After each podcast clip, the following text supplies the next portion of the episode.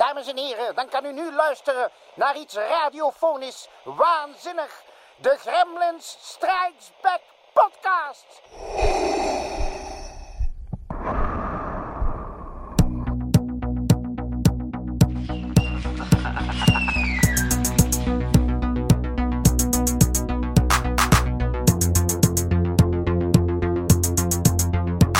Do you read such a game?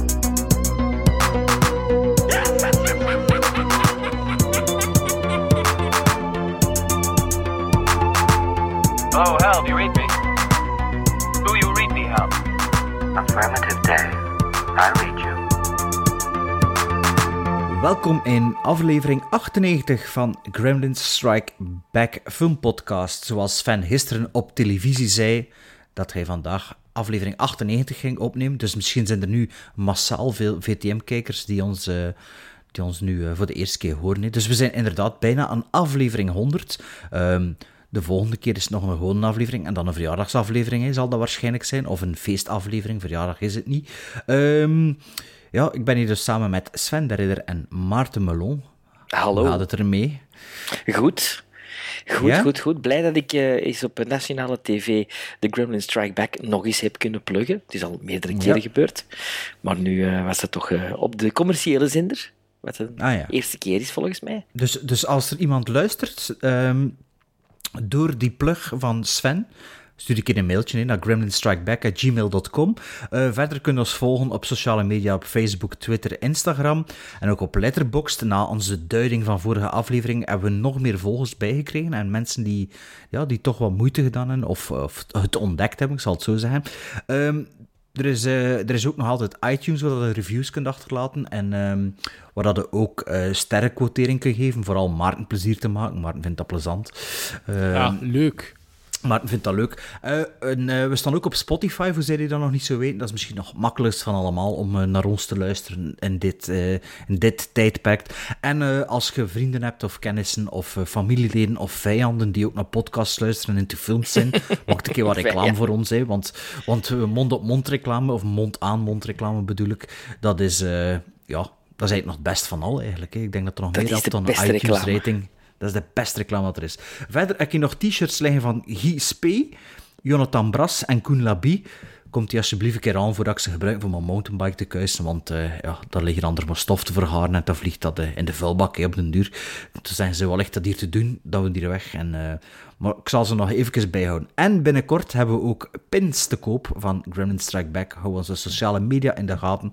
Als je een pin wilt voor op je revers te zetten, dan, dan kun je dat binnenkort ook bestellen bij ons. lekker 80s, lekker 80s.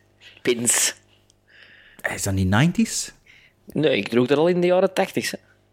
Ja, Mijn, ik zou jeans, zeggen, mijn jeansvest met allemaal... Ja. Badges, zou ik zeggen. Ja, misschien eind jaren 80, ja. Dat zou kunnen. Ah Doet ja, dat waren, meer, dat waren meer... Ja, ja, de pins en badges is iets anders, hè. Ja, ja. Een pin is met een, met een ding is door uw Ah, ja. hè. Nee, ik droeg, ik droeg dan... eh, ja, Badge- badges. maar wat is het Nederlandse woord ervoor? Een badge? Ja, Eh, ik weet niet. Is dat niet hetzelfde, badge? Nee, dat is een andere naam vroeger. Ja? Ja, Nou, ik, zou, ik zou het niet weten, maar misschien dat ik eh, ook nog badges maken. Ik ken wel mensen met zo'n machine, dan kunnen we de combo verkopen zelfs. Dat, goh, dat zou nogal iets zijn, hè, moesten we dat doen. You know something, people? You're gonna be remembered the rest of your lives for the day you got held up and kidnapped. Victims of Stockholm Syndrome develop compassion and loyalty towards their captors.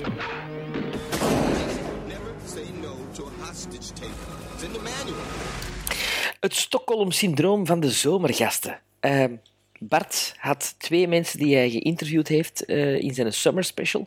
Namelijk regisseur Tim Milans en Help Me Out, Vanessa Morgan. Vanessa... Auteur. Ja, auteur. Vanessa eh, Morgan, Morgan, Vanessa Morgan. Ze heeft uitgelegd, Is het is een ze- beetje te zien. is het Het is een beetje te zien. Sven? Ja. Weet het Ja, niet dat is al lang geleden, hè, de zomer. We zijn ondertussen al Het is bekend. een beetje te zien aan welke, aan welke kant van de taalgrens dat je zit. Oké, goed. Maar die, eh, dus zoals de traditie het wil, ehm, eh, de gasten van Bart, die mogen ook altijd een film aan ons geven, een soort van Stockholm-film, maar dan omgedraaid. Dus hun geven het is aan ons. Ehm, die wij zouden moeten zien. In het verleden was dat Jane Barefoots, die heeft ehm, ehm, eh, The General De gegeven. General, ja. Ja, nee, Ah nee, ja, dus juist, de ja, de General. Ja. Van, van Buster Keaton. En de Fokke van der Meulen die heeft ons een, een Doctor Who film met Peter Cushing eh, gegeven. En deze keer, ehm, ja, we ze andere soort films. Waarom, waarom begin je te lachen, Sven? Omdat ik eh, nu net zie welke film dat we eerst gaan bespreken. Jessica. I'm calling on all the spirits of everyone who's ever died in this house. Jessica. Paramount Pictures presents Let's Scare Jessica to Death.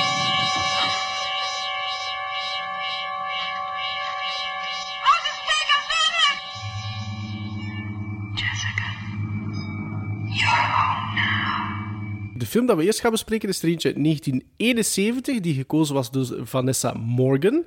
En de titel daarvan is Let's Scare Jessica to Death. Valt superveel niet over te vertellen qua omlijsting, eh, buiten dat de regisseur een zekere John Hancock is. En als ik kijk naar zijn palmarès, is misschien het meest bekende nog eh, dat hij vijf eh, afleveringen van de Twilight Zone Revival in de 80s heeft geregisseerd. Ah, de En ik welke? ben aan het kijken. Moet ik de titels zeggen, Sven? Ja, de titels ja, zijn The ja. Once and Future King slash A Saucer of Loneliness.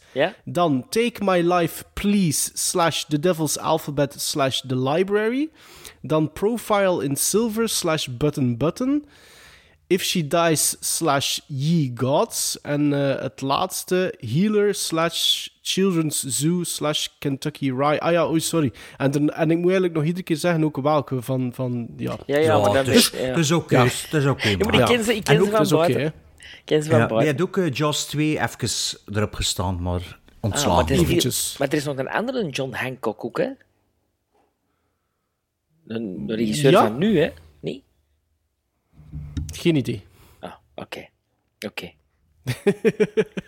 Let's Eh, scare Jessica to death. Ja, waarover gaat de film Let's Get Jessica to Death? Het gaat dus over een zekere Jessica die samen met haar... Ik weet nu niet meer juist of dat haar vriend of haar man is, ehm, verhuist. En eh, het bijzondere aan die Jessica is dat zij eigenlijk nog maar juist uit een psychiatrische instelling komt. En die verhuist dus, of ze willen hun, hun, hun leven opnieuw beginnen ergens on the countryside in een heel klein remote village met nogal wat vreemde inwoners. En vanaf het moment dat ze daar eh, aankomen, zij, haar vriend of haar man, en dan nog een, eh, een vriend, eh, wanneer dat ze intrek nemen in het nieuwe huis, beginnen daar stelselmatig vreemde dingen te gebeuren. En dan is het maar zozeer de vraag... Is Jessica weer aan het afglijden in insanity of is er wat, misschien ehm, wat meer aan de hand? En Sven, die aan het lachen Hm. Ja. was, Ja, wat Die meer mag aan de hand. beginnen. We kunnen- wat meer aan... We kunnen misschien ook nog even zeggen dat het een van de favoriete horrorfilms van Stephen King is. Hè? en van Vanessa Morgan ook. En hij duurt een uur 29. Ja.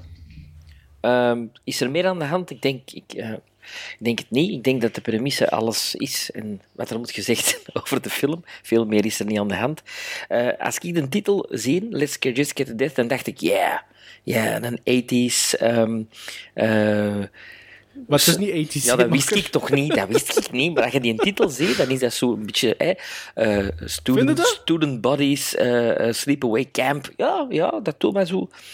zo mm, daarom denken. Zo, allee, dat was mijn indruk. En, en ik, ik, ik, ik begon dat te zien en ik dacht van... Oei, oei, dat ziet er zo wat Italiaans uit.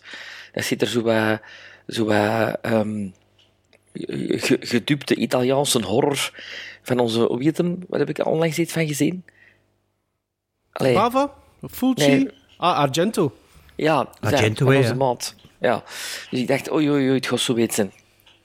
Eh, en ik dacht in het begin ook van, is dat dan gedupt of niet? Eh, maar nee, dat was gewoon Engels, maar dat was ja, low budget eh, en slechte eh, AD, ADR waarschijnlijk, want die, dat paste soms niet altijd.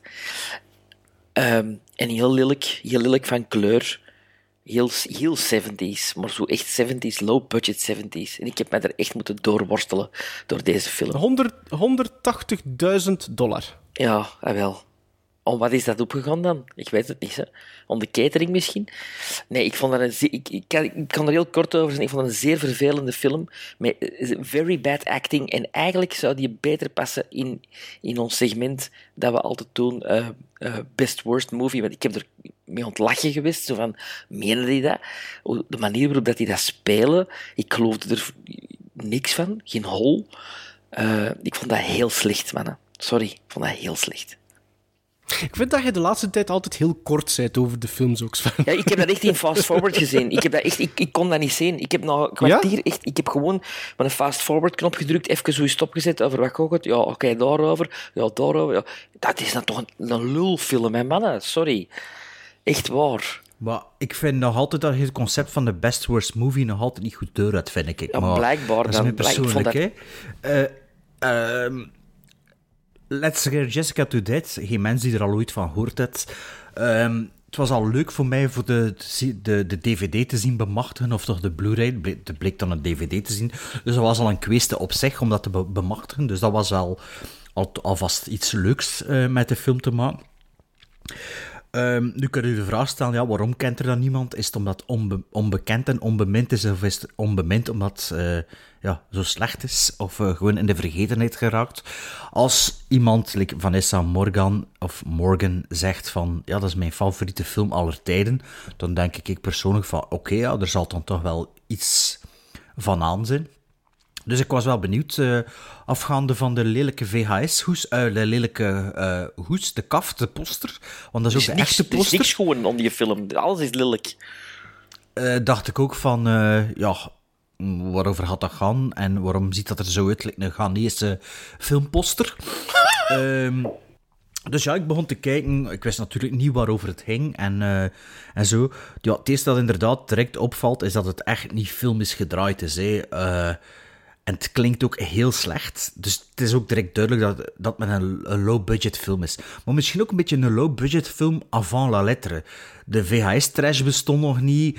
Had wel zo William Castle die wat dingen maakte en zo. Maar uiteindelijk echt low-low-budget films in die tijd... Oké, ja, ze bestonden natuurlijk wel, hè, maar... Het is een horrorfilm pre-Halloween en pre-Exorcist. Dus het is zo nog wat... Ja, ik weet niet, mossel nog vis met momenten. En het zag er inderdaad vrij 70s uit. En naast lelijk ook. Hij zat ook met een soort proto-John Carpenter score soundtrack. En, ehm, Allee, dat is dat toch echt niet, hè? proto, jawel. Vind je dat? Is, is, is met een fanfare? Is met een orkest? Of met wat, wat is de soundtrack? Niks. Een elektronische soundtrack? Zie- Dus, ja. eh, ja. Een, een kleine die op een, op een, op een Casio zit, zit te tokkelen. Dus proto-Carpenter soundtrack. Ja.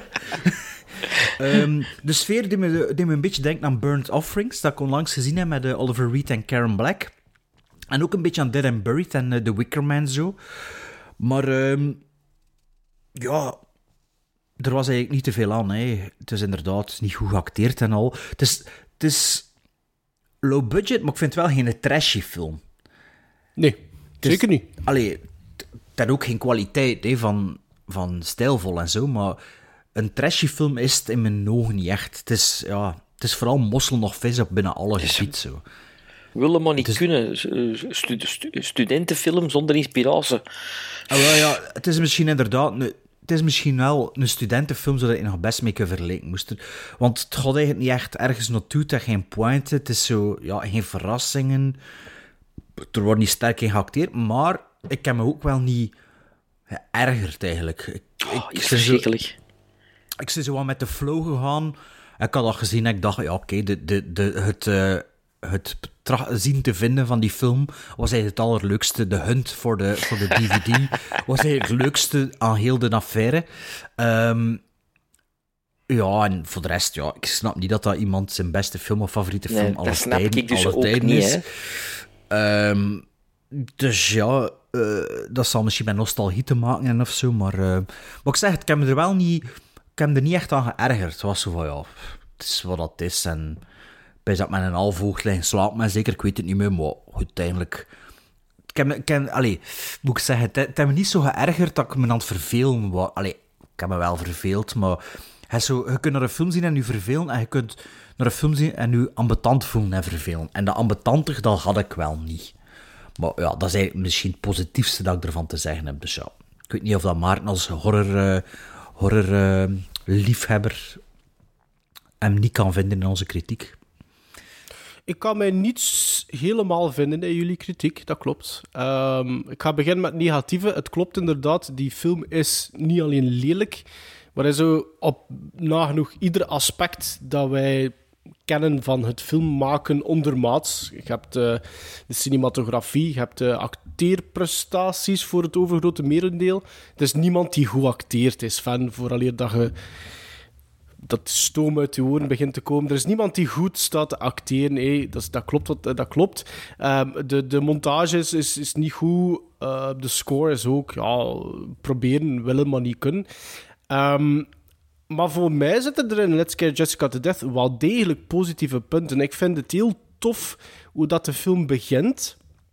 Ik vind het heel fijn dat je onmiddellijk te weten komt dat die Jessica een psychiatrisch verleden heeft, zonder dat er dieper wordt op ingegaan. En dat is iets wat dat eigenlijk de, de, de balans, de koord is doorheen de runtime. Is er nu effectief iets aan de hand? Of is, is, is die vrouw gewoon geestelijk ziek en is die weer hervallen? En ik moet eerlijk zijn, ik vond dat eigenlijk wel tof om, om diezelfde koord te bewandelen. En dat wordt verder versterkt door het feit dat haar innerlijke gedachtegang ook auditief weergegeven wordt door, middel van haar eigen stem. Dus een soort van voice-over om, om haar gedachten weer te geven. En ik moet eerlijk zeggen, ik vond dat heel interessant gedaan. Ik vond dat eigenlijk wel tof. En dat draagde bij tot dat personage. En ik moet eerlijk zeggen, ik volgde dat personage ook wel graag daardoor. Ongeacht of dat hij nu ijzersterk staat te acteren, waarop het antwoord nee is. Maar de, de, de voeling met dat personage had ik wel omdat ik... Zij kwam wel... Oh, ik vond dat zij wel geloofwaardig overkwam. Van, is er iets aan de hand? Is er niet? Ben ik aan het afglijden in insanity of, of juist niet? En het, het, de, de, de, de moeilijkheid met te veel te, te verklappen van Let's Care Jessica to Death, alhoewel dat jullie misschien denken dat er niet meer over te vertellen valt, is dat als, als, als de luisteraars geluisterd hebben naar Bart's Summer Special, dan kun je Ja, ja. al een beetje weten wat dat er aan de hand is. Ik zal het daar... Bart, geef mij gelijk. Ja, ja, ik weet wat dat wil zeggen, maar ja, ik vond ook niet dat dat... Maar ze zei het zelf ook, hè, dat dat discutabel Binnen- is, hè. Ja, ah, maar, maar, maar dat, dat klopt ook. Maar ik vind, je hebt gezet in een zo'n... Het is, het is allemaal... We hebben het al allemaal een keer gezien. Hè, maar je komt toe in een stadje waar dat er duidelijk iets aan de hand is. Waar dat de inwoners creepy bastards zijn. En, en ongeacht of dat, dat nu waar is of niet waar is, de, de, het scenario is wel zo dat, dat, dat bepaalde aspecten worden verklaard, uitgelegd. Dat er een soort van, van end is op bepaalde aspecten. En dat bepaalde aspecten worden doelbewust opengelaten. En ik moet eerlijk zijn, dat, dat werkte allemaal voor mij. Ja, het technisch, technisch klopt die film voor geen meter. Maar ik zat wel in die sfeer. En ik moet eerlijk zeggen, ik had wel al gehoord van Let's Scare Jessica to Death. Ik vond dat ook tof om op Amazon te beginnen grasduinen om die DVD te, te, te bestellen dan uiteindelijk.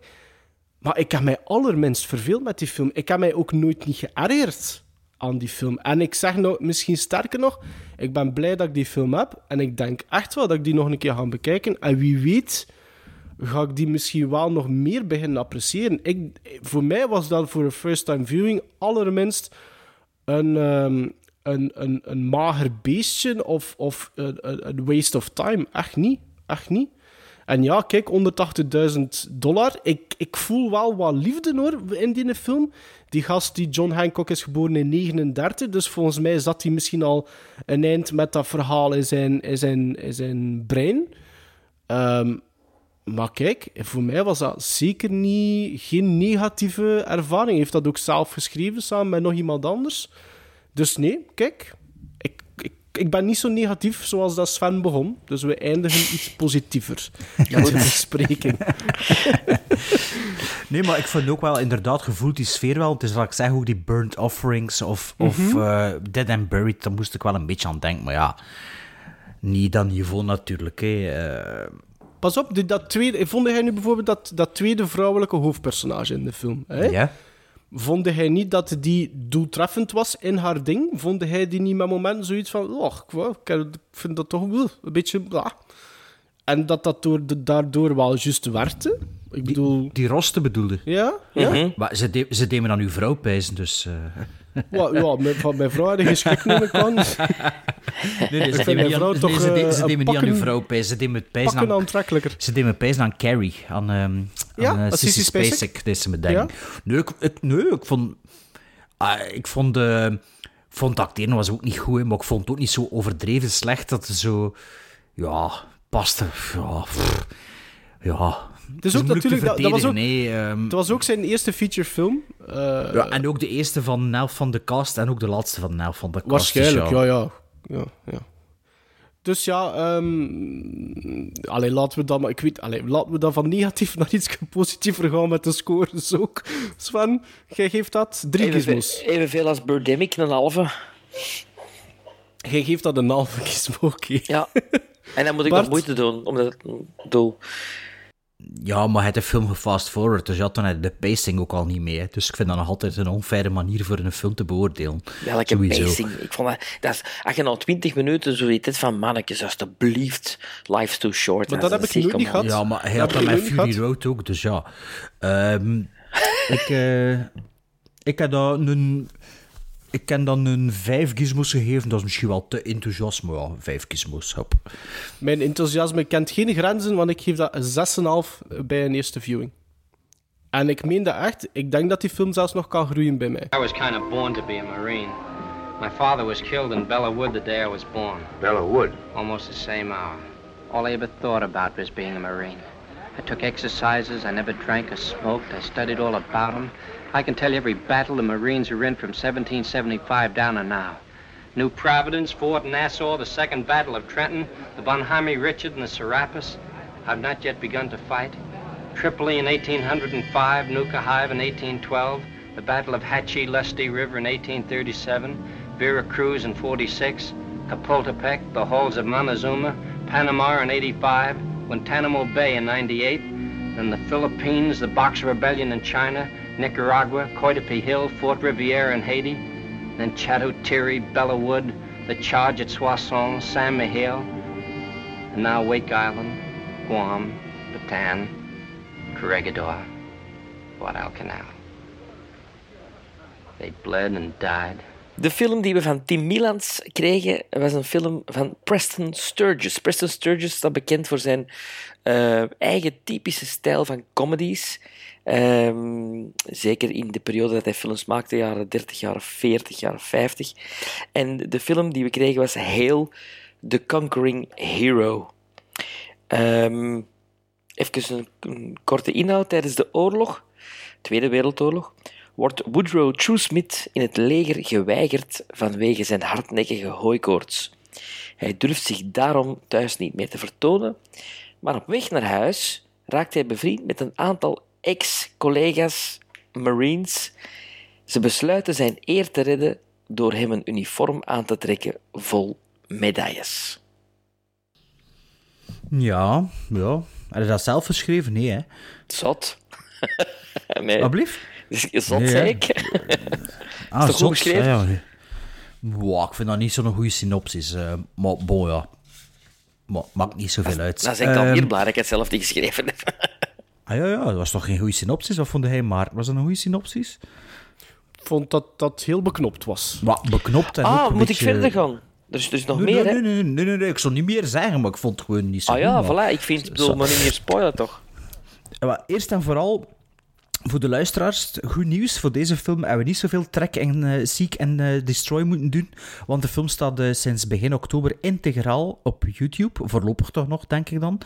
Dus redelijk goede kwaliteit zelfs. Dus als je de film wil zien, Hail the Conquering Hero, dan vinden die integraal in deftige kwaliteit op YouTube. Dus zet dat maar op op je smart TV.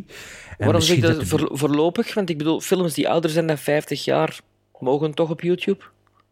Mm, films die ouder zijn dan 15 jaar verdwijnen ook van YouTube. Dus, eh, Ja, dat, De- de- de- de- vroeger was dat heel gemakkelijk voor te zeggen, dat is public domain, maar dat ja, is niet meer zo gemakkelijk. Public domain blijkbaar. is ook een verschil in wetgeving tussen Europa, Europa en Amerika. En als YouTube dan in Europa ook zit, en in Europa is dat geen public domain, dus dat is ja, niet ja, maar je hebt zo'n ouder je hebt dan zo'n 15 speciale site met van die oude films, hè.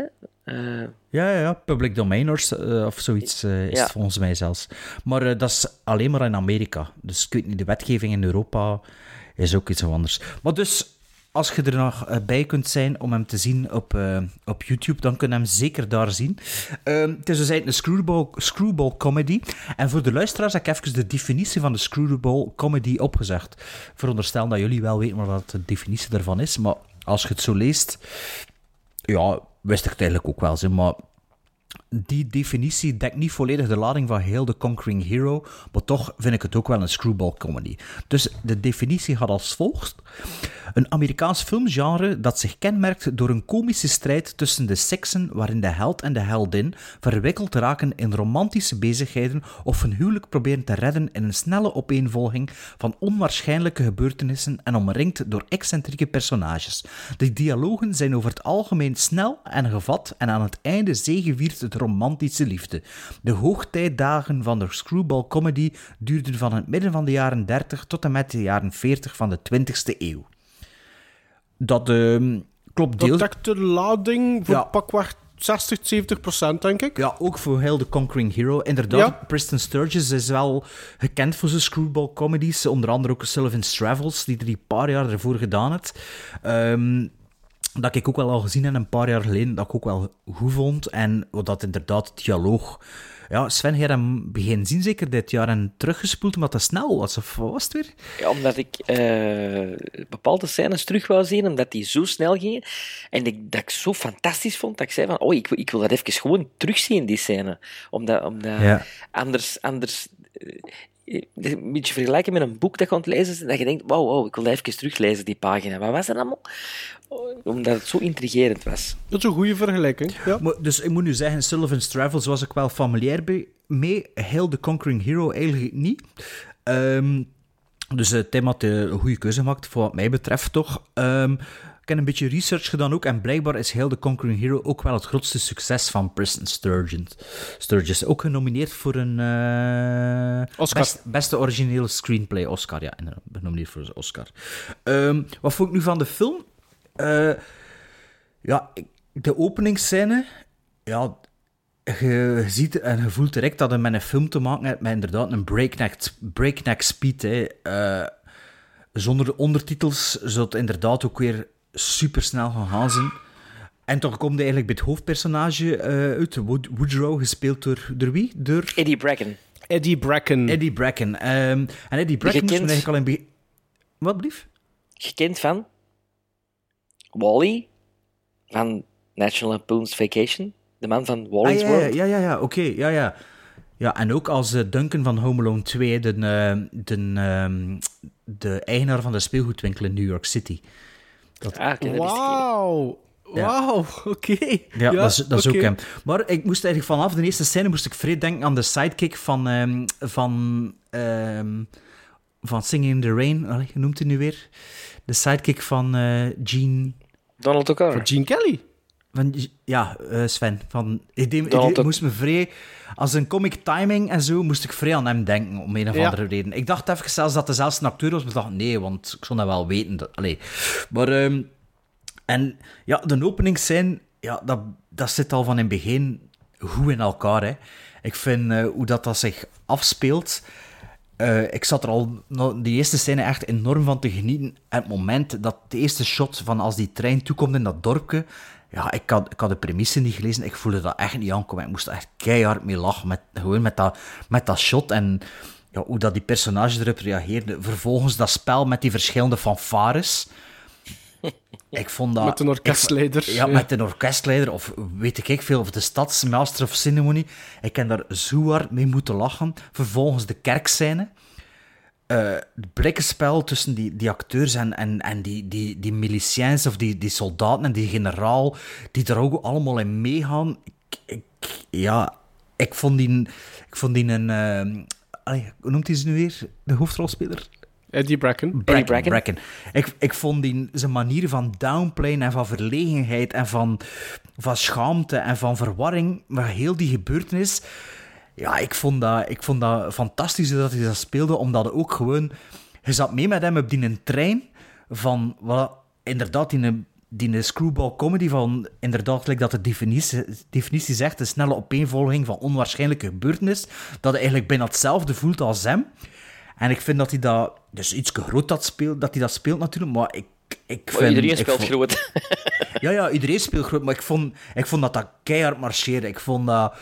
Ja, dat is ook een film die in 43 gemaakt is, in 44 gereleased. Dus het gaat echt over de Tweede Wereldoorlog, over het Amerikaanse volk op dat moment, over de, ja, hoe dat de perceptie is van helden en... en Ja, aan- spot on, hè, eigenlijk. Ja, hoe dat, de, hoe, dat de politiek, de- hoe dat de politiek daarop inspeelt. En ja, ik moet nu zeggen, die, die film het zit eigenlijk al een paar dagen in mijn, in mijn lijf, in mijn gedachten. Zo. Ook wel door dat sketchy nummer dat, dat volk zo zingt. Maar ik moet, moet wel zeggen, vanaf halverwege vond ik een klein beetje, dat het een klein beetje zakt, omdat ik nog... Vanaf dat moment, ik was nog altijd in oude van alles, als wat dat voor mijn oor- ogen afspeelde, maar in de eerste helft heb ik wel meer echt luid moet lachen met bepaalde dingen. En dan wordt het niet grimmiger, maar wordt het iets moralistischer misschien. Of, allee, dus dat, vond ik een klein beetje jammer dat ze dat niet konden volgen tot het einde. En je kunt ook een klein beetje vragen stellen, maar ja, wat, wat is de, de deal nu met die militairen en zo? Maar dat, voor het plezier dat ik aan die film gehad heb, bedek ik dat eigenlijk wel met de, met de, met de mantel der liefde. Want ja, ik moet zeggen, ik en- denk wel dat ik dat hier beter vond dan eh, Sullivan's Travels. Omdat ja, je zat met een groter ensemble en ja, een zottere sfeer, om het zo te zeggen. Eigenlijk. Ik ben echt wel eh, aangenaam door verrast.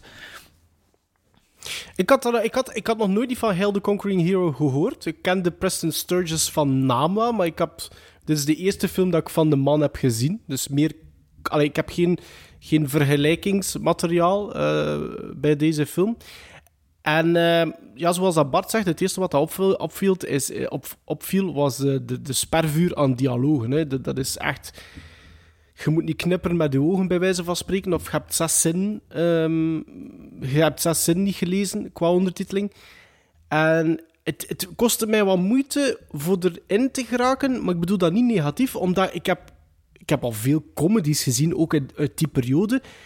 Maar ik associeerde die haast, of die vaart van dialoog, associeer ik dat bijvoorbeeld eerder met een film noir of zoiets. Dus voor dat nu Ah. ook op, in, in die mate in een, in een screwball comedy te zien, dan moest ik even gewoon worden. Ja, maar ik, ik moet zeggen, ik ken dat ook wel al met andere screwball comedies. Dat, Ja. dat zo niet pakt bij mij, of dat er zo even was van wow, wow, wow. Ja, Ik kan me niet voor de heerst van welk, maar er is zo'n vrij klassieker.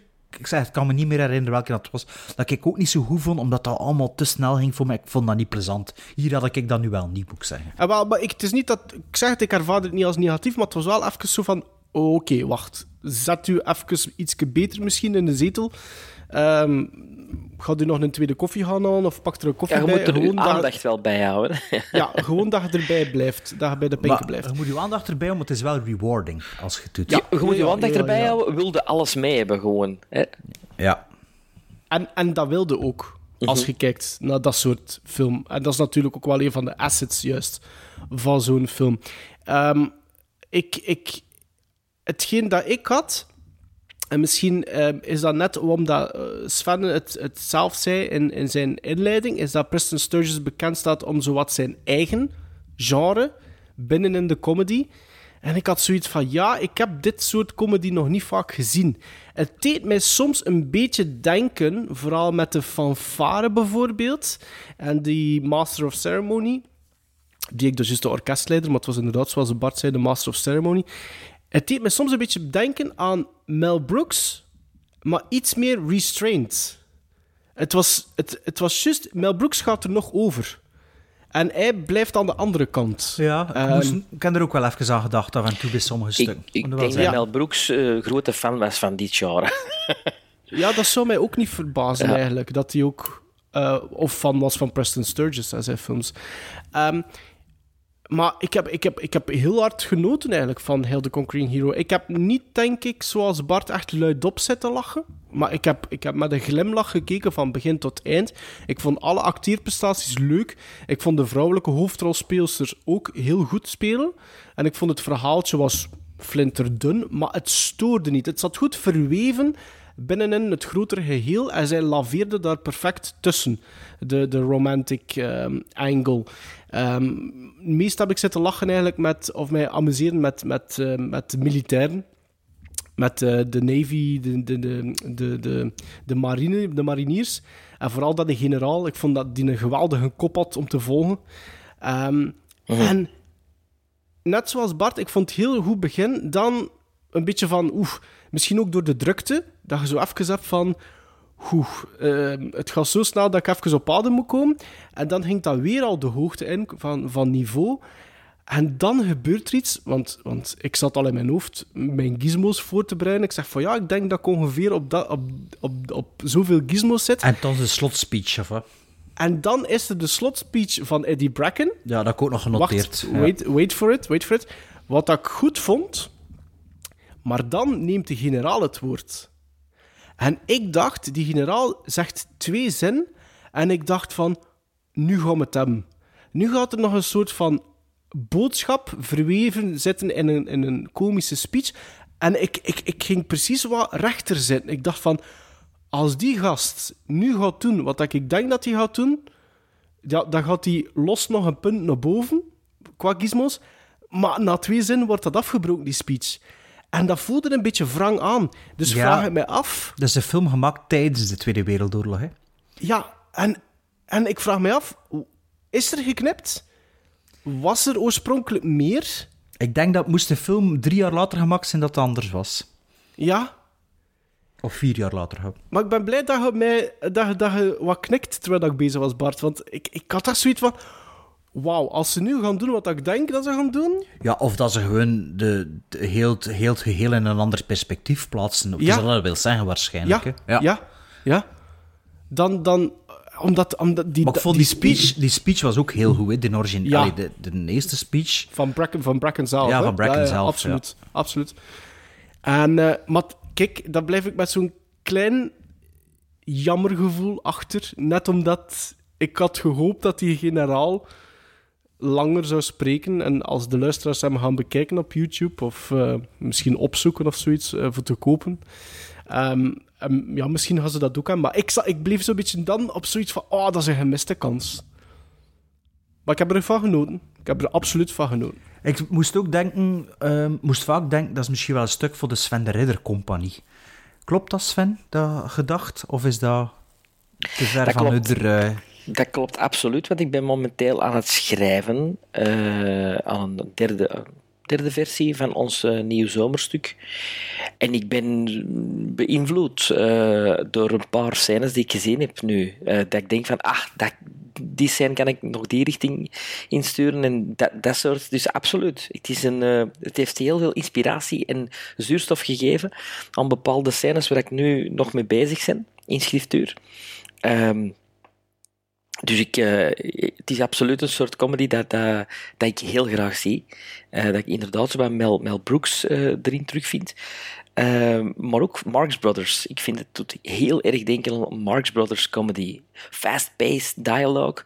Ehm, van Maar Marx Brothers was, iets, was toch nog iets, iets een meer fysiek aspect. Het is, Nee, het, is nee, fysiek, nee. het is een fysieke Marx Brothers. Groucho is een, is een, is een Ah, taalvirtuoos. het is Groucho. hij heeft verschillende types. Hè. Ja, Ja, voilà. het is meer de Groucho eh, humor.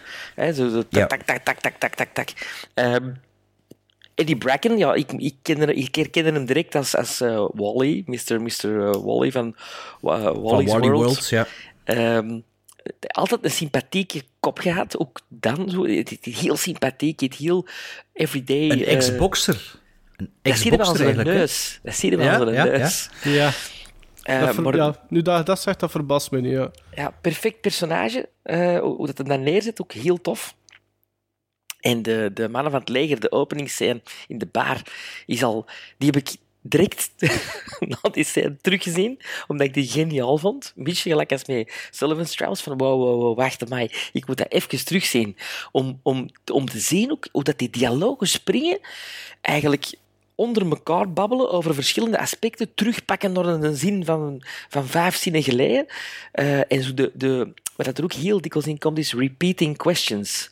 Zo van, eh, what are you looking at? Nothing. Ah, stop looking then. Eh, of, eh, of um, um, Dat is inderdaad Groucho Marx, is zoiets. ja, Ja, mind your voice, mind your voice. take care Save, of your voice, save your voice. Save your voice, Evie. Fantastisch.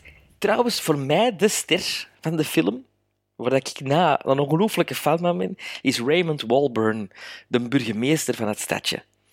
Wat een komisch genie is dat. Hoe dat die dat speelt, hoe dat die maar van zijn, van zijn buzzen geeft en parten geeft en dan tegen zijn zoon dat zei en tegen zijn toekomstige schoondochter dat en tegen zijn vrouw. En dan hoe dat hem zijn speech voorbereidt. Dat is een geniale scène. Dat vind ik het hoogtepunt Ja, ja, van de film. ja. Ik, wel, ik, vond, ik vond dan inderdaad zijn, zoals zijn rechterhand of zoiets. Zijn zoon? Die dan effectief. Zijn zoon, nee, hè? Nee. Ah ja, ja. Die dacht heel effect- save your voice. Save your voice, Evie. Ja. Ah, Dat die, de, de spindokter. Ja, Zo'n perfecte comedy, comedy timing. Ja, ja. Altijd hem. Dat ik zei, wauw, dat, dat, vond ik, dat vond ik eigenlijk hem een van de highlights eigenlijk van de film. Ja, ik, Eh, ik, voor net mij was die Raymond Walburn. Ik ben die direct gaan opzoeken. En ehm, ja, ik wil, ik wil daar ook meer films van zien. Want dat doet ook wat Jackie Gleason-achtig. eh, Jackie Gleason-achtige figuur. Schitterende acteur, vind ik. Ehm, maar dan inderdaad, de drukte overheerst, is heel tof. En dan met al die orkesten en met die fanfares en dat lieken dat eigenlijk een oorworm werkt. Hè. Eh, Ja, maar niet. Ik zal hem In- er nog in- wel in steken. Ik zal hem er wel nog Ja. in steken. Win for. Woodrow. Ja, ook dat, dat ze dat zo draaien met, zo van, met die letters, met dat licht erachter. Met, met die tekst, met die tekst, ja. Dat vind ik heel goed. Maar voor mij, in Beola niet precies, maar voor mij is de speech van Eddie Bracken, dat is een andere film. Dat is een andere film. En ik vind dat... Al wat dat de film wil zeggen en, en, en doen, en de maatschappijkritiek die erin zit, heel gedurfd ook voor een Amerikaanse film, van hè, ehm, de, de grootste onnozeleren worden niet eens de heroes, en, America loves heroes, maar op een idiote manier. Maar op het einde, die speech dan van Eddie Bracken, is voor mij te moraliserend, te, te lang. ja, dat is wat ik, dat is ik zei, hè. Dat de film dan toch plots een beetje zakt Ja, zo. In, in- Maar ik vond die speech ook veel te lang. Ik vond dat ook een, een, ander, een, andere vond dat soort... niet. Nee, oh, ik vond dat ik vond- lang. Ik Dus vond van, dat kom on, echt move eh, on. een mooi, een mooi streksken op het einde van de film. Ik vond dat niet. Ik vond op het einde toe, was ik wat teleurgesteld dat de romantische noot de overhand neemt. En ik had liever nog meer Helza Poppin-stijl gehad. Gelijk dat Ja. in het begin is. Pa, pa, pa, pa, pa. En dan naar het einde toe wordt het zo wat romantiek. En dan denk ik... mm, nee, ik had dat niet verwacht. Wel, het is daarom like dat Maarten zegt, als die generaal zijn speech een twist gekregen had, had hij misschien nog een, een knaller van een, van een einde van de film. Ja. Maar dan nu, dat, nu, dat dat zo, nu is dat een beetje een leegloper zo, hè. Dat, Ja. dat, eh, dat is een beetje jammer wel. Dat, dat, dat, dat heb ik hier ook genoteerd. Dat is zo, vooral de eerste 45 minuten, de eerste uur Het eerste misschien uur, zelfs. het eerste uur, het eerste is- uur is... is- paf, paf, paf, paf, is- paf. Dat is echt Ja, top. ja. En die scènes zijn ook allemaal zo lang en van hier een take. Dus dat is bekend theater, hè? dat is echt gerepeteerd. Dat moet gerepeteerd zijn, die scènes. Dat is, dat is dialoog, tak, tak, Ja, dat is tak, precies tak. met, de, met een shot. metronoom, hè. Ja, ja. En tien, tien minuten soms een shot, hè? dat je denkt, what the hell. Echt, echt, echt knap. Ja, en je zult het terugvinden, bepaalde dingen, in de volgende zomerproductie. Allee, dus eh, Tim, Tim Milans had eigenlijk wel gelijk dat hij zei dat is iets voor Sven. En eh, ik moet zeggen, toen ik er naartoe aan het kijken was, dacht ik het ook wel en herkende ik ook wel eh, uw, uw theaterstukken er een beetje in en zo. Ja, en, ja, ja. Allee, ik, ik snapte wel waarom dat hij dat gegeven had. Dus Ja, ja, ik ben nu wel benieuwd naar de, de gizmos. We zijn like alle drie min of meer op dezelfde golflengte. Dus Ja, denk het wel. Als je wilt, ik zal beginnen. oh ja, Ehm, wil ik ook beginnen. Of het wordt weer gezegd dat ik systematisch boycott. ah, doe jij dan hè. maar eerst. Ja. Dus eh, ik, ik vind het een uitermate char- eh, char- char- charmante film. Maar ik zeg, de laatste stuk was dan een klein beetje jammer in vergelijking met het begin. Dus eh, het, was, eh, het, eerste, het eerste uur was het 8 gizmos en dan toch gezakt naar 7,5 eh gizmos. Dus 7,5 gizmos. Oké. Had de speech van de generaal erin gezeten, of dat hij nu geknipt geweest is, of dat hij gewoon daar stopte in het scenario effectief, had hij een 8,5 gekregen. En nu klok ik net zoals Bart af op 7,5. Oké. En bij mij is dat altijd een 7 geweest, heel de film door. Ja, maar toch, ik vond dat wel een aanrader voor de luisteraars. Zeker. Hail the Conquering Hero. Ja. Win for Woodrow. Out with Evie. Effie. Noble. Out with Noble. Down with Evie. Up with Woodrow.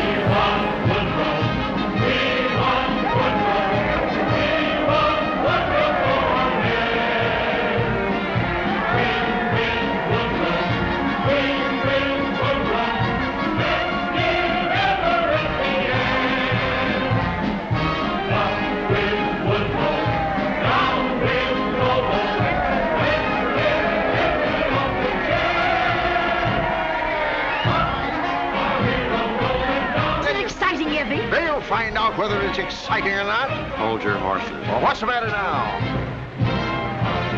Have you got a wire for me? Yeah. Howdy, Mr. Mayor. Oh, yeah. But you just remember where, where I put it. Well, what kind of wire? And you remember where it came from. Well, let me see. San oh, Diego. Volgende aflevering is aflevering 99. En ehm, ja, we, we, ja, de luisteraars ze beginnen een beetje streken te krijgen. Hè. Hoe langer hoe meer krijgen we mails- me- mensen die mailen naar ons van ja, en moet misschien zo doen voor een seal of approval, of misschien zo doen voor seal of approval, of misschien, moet misschien in de barema zakken. Maar nee, dat gaan we niet doen. Oh, hè. nee. Eh, alle drie een 8 is een seal of approval. Absoluut. En ik denk dat we, als we alle drie een 8 geven, ehm, dat dat eigenlijk gewoon wil zeggen dat dat gewoon een steengoede film is. Ja, en dan nu, maakt het ook Heel speciaal, The Conquering Hero, heel The Conquering Hero, we zijn nou alle drie akkoord, dat is een goede film, maar een seal of approval is dat nog niet. Dus voor aflevering 99 dacht ik, we gaan misschien nog een keer op jacht gaan om te zien of dat we een seal of approval kunnen fabriceren door nog een keer een Gremlin Strike Back classic aflevering te doen. Wat was dat nu in het verleden? Ik denk dat we dat zo gedaan hebben. Dat is eigenlijk iedereen kiest een film waar we alle drie naartoe zien, ongeacht of dat we hem al gezien hebben. En dan, ja, dan hebben we het daar nog een keer over, of spreken we er een keer over. Of als het echt een bekende film is, dan doe je er wel een andere steek, insteek in dan gewoon de film te bespreken. Ehm, en dan zien we wel of dat we alle drie weer minstens een 8 geven aan die film. Hè. Dus ja, ik weet niet wat er... eh hebben jullie ook een geselecteerd? Ja. Absoluut. Is The Godfather 2? Nee. Nee. Oké, dus dat zal... Oké, dus eh, ik ben benieuwd, ja. Sven, Sven noem eh, we de Godfather 2? Maar ja, ik bedoel, die moeten... Allee, Maar ja, dat bedoel ik. Als we dat bespreken, weet seal iedereen van... Ja, eh, voilà, voilà. Dus, dus dat ik wil zeggen van, ja, als het dat geeft, is het een beetje onnozel gefabriceerd. Ja.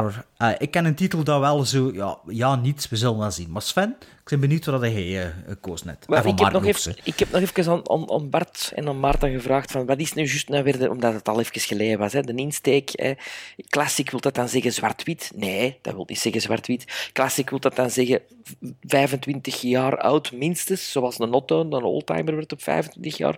Nee, dat wil dat ook niet zeggen, want dat kan een film zijn van twee jaar geleden dat, dat jij vindt dat een classic zou moeten worden. Of een classic in Ja, wording. of, of dat je al weet van, ja, voilà, The Dark Knight bijvoorbeeld.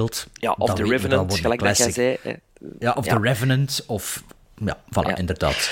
Maar Bart zei ook iets heel tof, waar ik eigenlijk eh, niet meer bij stilstond. Want het is, moet ik hem gezien hebben, moet ik hem niet gezien hebben? Ehm, maar Bart zei op een gegeven moment... Ja, het is de film waar dat je eigenlijk misschien ook van denkt, is de classic. En ene die je destijds zoveel punten hebt gegeven. Maar zou die nog overeind staan nu? Eh, zouden die evenveel geven als toen? En dat vond ik een, een, een heel... eh, allee, dat, dat, dat triggerde mij. En dan was er eigenlijk direct één film die in mijn, eh, in mijn mind sprong. En dat is de film uit 1989. Dat is... Ja, die 80s, hè, ja. Ja, maar dat is Is het einde de- van die 80s. hè. de Revolution? Ja, dat hoort er niet meer bij. hè. Voor u, de 89, dat is niet echt niet meer de 80s voor u, hè, Sven? Nee, ja, dat ook een niet. gezegd, hè. Ja. Nee, maar dat is, dat is zo. Dat is, film voelt ook absoluut niet 80s aan. Toch niet, althans wat ik mij ervan herinner. En ik kon even eh, de affiche erbij pakken, want de affiche heeft een hele leuke eh, tagline. Ehm, maar ik kon er een paar dingen uit wegbiepen. En dan moeten jullie eh, raden. He made your heart pound with puut. Then he stopped it with puut. Now, writer-director Puut presents this summer's most original adventure. Nee. Te veel puuts, te veel puuts. Gokje, gokje, nee. Laat ik het, eh, wat was de eerste puut? He made your heart beat with? Ja, dan weet het. Dan weet het. Ah, dit zijn titels, zijn titels van, van zijn vroegere werken, of wat? Ja, het zijn titels van zijn vorige films en als ik die zeg, ja, dan weet het direct. Oké, heeft dan Hoort een mij. andere tip? Of zeg gewoon wat dat is? Ja, nee, hij heeft ja. één een Oscar gewonnen voor, hij heeft één een Oscar gewonnen voor de Best Visual Effects. 89. 89. En het- Wat, is het iets van John Rick Ba- Carpenter? nee. En het, op IMDb krijgt hij 7,6. Wat niet slecht is, hè? Ik zal het maar niet eens zeggen, hè. Ah ja. The Abyss van James Cameron. Oké. Ah ja. Dat is, eh, dat, vind Dat ik, dat, een- dat, is, cri- dat is criterium voor een classic, inderdaad. Dat zal een leuke, leuke rewatch zijn. Al, ja, ik. dat is Ja. toch lang geleden misschien ook, bij jullie? Ehm, mij niet zo twee, heel lang. Denk, denk een jaar of twee jaar geleden heb ik die nog een keer eh, bekeken. Maar ik heb die als kind super vaak Oh, bij mij is dat veel langer geleden. Ja. Ja, is dat? Ed Harris. Ja, maar dat is een, Ed Harris, een goede keuze, ja. Maria Elizabeth Michael. Mastrantonio, Michael Bean. Ja. Ja, leuk. Leuk. Ja, we gaan dat met, met plezier nog een keer mijn... eh, het is, ik heb hem niet op Blu-ray, maar ik heb hem wel op DVD. Ja. Dat is niet zo, dat is, dat is niet zo, van een, niet zo een voor de hand liggende classic, als je zegt classic, hè? maar toch. Nee, maar... Nee. Maar, Ik denk, ik denk net om, omdat het van hem is, van zijn hand, dat hij misschien dat label er niet op plakt. Ik weet Uh-huh. niet. Ik weet niet. Toch, had dat niet veel Oscar-nominaties gehad ook? Twee Visual effects. visual effects en dan nog, nog een, denk, de- ik denk editing of zo, maar voor de rest niks. Maar ik Of vind dat, sound ik vind design dat of zoiets in, in, zijn, misschien. in zijn oeuvre vind ik dat een klein beetje een vergeten film. We zullen het er de volgende keer over hebben. Hè? Ja. Maar naar de ook iets geselecteerd. Ik heb een film geselecteerd en het verschil met, eh, met Sven zijn keuze is dat ik voor een film gegaan ben die ik zelf nog nooit heb gezien. Oké? En eh, meer bepaald, het is een film die bij mijn laatste ehm, Eureka-batch zat, die ik gekocht heb. En het is een film van eh, 1962. Het duurt wel 2 uur 27, maar die Abyss, denk ik, duurt ook meer dan 2 uur. 2 uur Als ik me niet 25. vergis. Kijk, voilà. Dus het is eigenlijk krak dezelfde runtime. Ehm, en Bart, het Ja? zal jou misschien verbazen, maar ik heb teruggegrepen naar jouw regisseur, namelijk John Frankenheimer. Oké. Van toen dat we ondertussen wat tien afleveringen geleden of zoiets, iedere aflevering een, een één bepaalde regisseur onder de loep namen. De drie Johnnen, Ehm, hè? De drie Johnnen hè, was dat? De drie John, ja. Maar er is een film nog van John Frankenheimer, genaamd Birdman of Alcatraz. Ah, ja. Met Burt Lancaster in de hoofdrol en ook Oh. Telly Savalas Oké. speelt een rol daarin. Oké. Ik ken die En- nog niet gezien, hè? Nee. Ik heb die ook nog niet gezien. Oh, Nee. Oh, niet zo roepen, Sven. Niet zo roepen. Ja, ik roep niet. Ik... Het, het, het, het, heel kort, dat, dat vertaalt blijkbaar het waar gebeurde verhaal. Maar, beetje- moeten dat nog niet vertellen, man. We gaan dat wel zien. We gaan het de volgende keer vertellen. Niks, niks over vertalen. Oké. Tot over kijk. Alcatraz en een bird. Meer moet ik Het is waar gebeurd ook. Het is Vogel- waar Een vogelman. een vogelman. Dit is al dat ik moet weten. Al dat Een moet weten. gemuteerd monster. Dus eh 1962 is dat? Ja. Ik wist En niet dat dat van... nee. Ik wist, ik wist ook niet dat dat van die, 1989. die John Frankenheimer was. Sven 1989, dan ga ik naar 1946. Een film, eh, een drama. Van de regisseur van Ben Hur, 1959 Ben Hur, en Roman Holiday. En het is een film die misschien wel een beetje aansluit bij Hail the Conquering Hero. Het is een film dat ik zelf ook nog niet gezien heb en Sven en Maarten ook nog niet. Het is eh, een film van William Wilder, genaamd The Best Years of Our Life. Best Years of Our Lives. Een film die Sven de vorige aflevering, of die daarvoor nog een keer vermeld had, dacht ik. Of was het off the record, dat weet ik niet meer. Dus In ook in die al lang op mijn watchlist. Ja, die al lang op mijn watchlist staat. En eh, ik dacht, laten we dan eh, die maar een keer eh, voor het einde jaar nog misschien nog een keer een goede film ontdekken. Is- mogelijk zijn de best years of our lives. Wi- William Wyler, hè? Ja, William Wyler, inderdaad. Ja. Dus eh, ja, het zal cool worden, pijs ik, volgende Ja, aflevering. dat denk ik ook.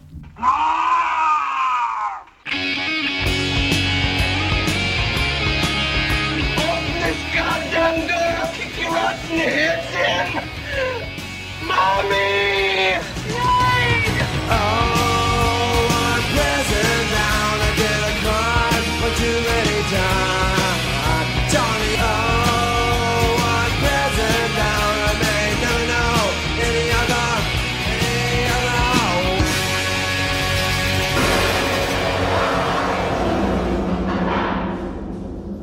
Het is al van voor de zomerstop geleden, dus hoogst, de hoogste tijd om nog eens een rondje Prison Bound te doen. En wat uh, is een rondje Prison Bound? Daarin kiezen we elk een film. Uh, en een film die voor ons afzonderlijk een beetje te slechte kritieken heeft. Of die um, verkeerdelijk aanzien wordt als een slechte film, die dus meer krediet moet krijgen. En dus we gaan elk film nu uh, bespreken of highlighten. En dan is het eigenlijk voornamelijk aan de luisteraar uh, om te bepalen of dat die film al dan niet uit de gevangenis mag. En uh, hoe doe je dat? Hoe doe je dat? Dat is om op onze Instagram stories te stemmen. En dat wordt tijdig medegedeeld wanneer dat de stemmingsronde zal doorgaan door Bart.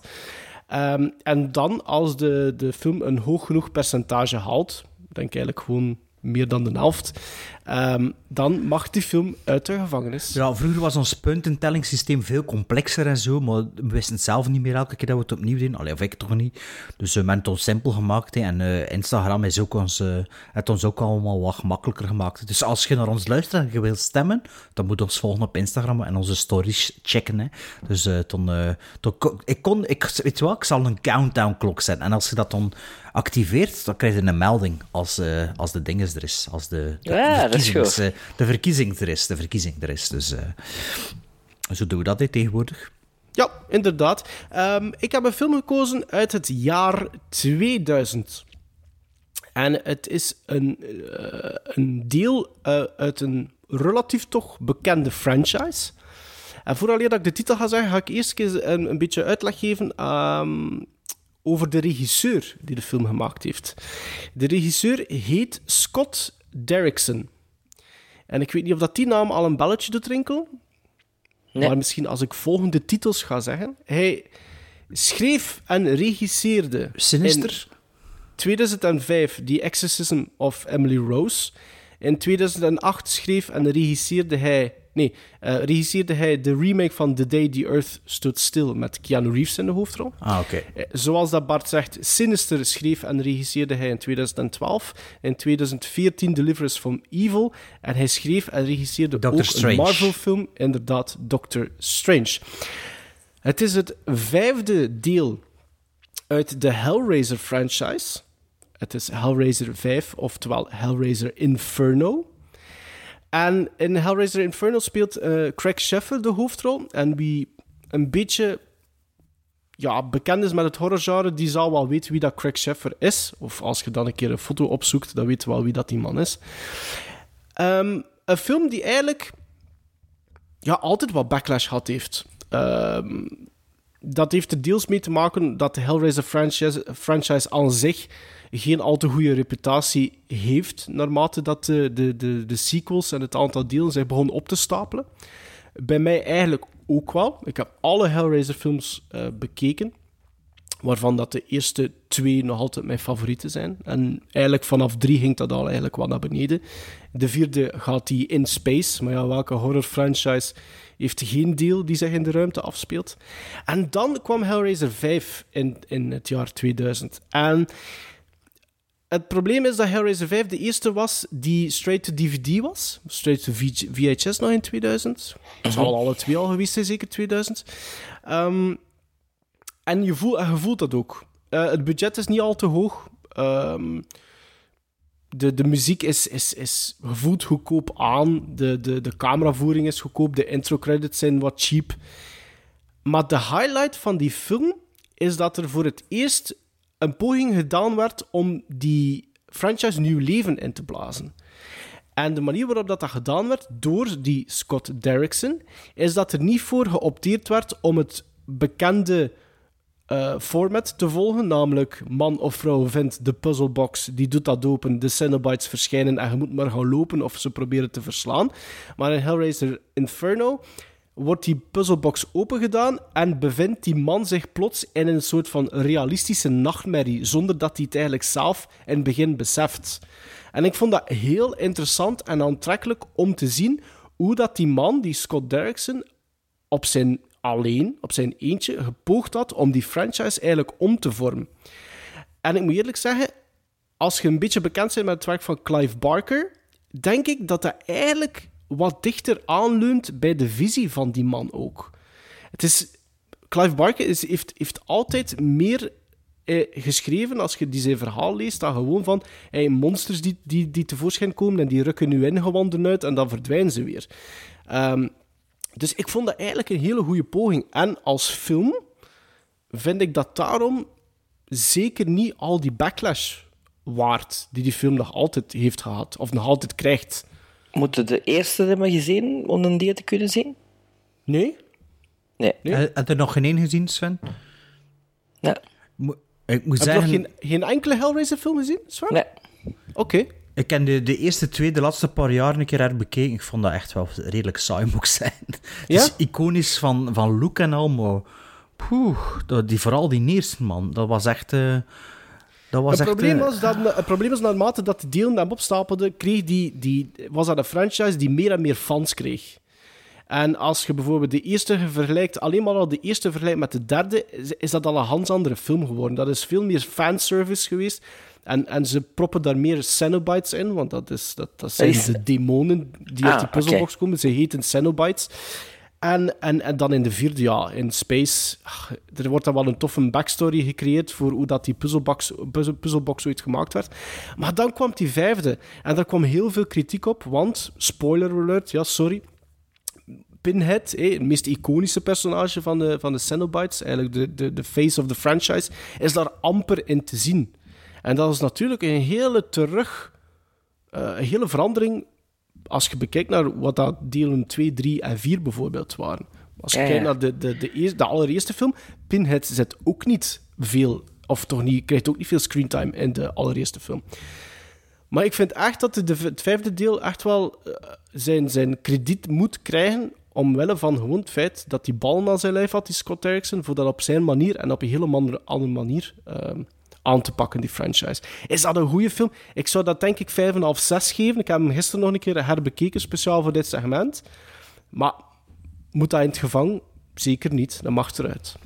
En gaan er genoeg mensen die luisteren naar ons die film gezien hebben, denken? Ja, ik, ik, ik, ik vermoed van niet. Maar toen dat, toen dat, we, dat ik wist dat er nog een rondje Prison Bound ehm, kwam, in vergelijking, in tegenstelling tot de vorige aflevering, dat, ik- dat ik gezegd had, ik weet nog dat ik tegen jullie zei van, dat ik voor het eerst een beetje opzoekingswerk gedaan heb.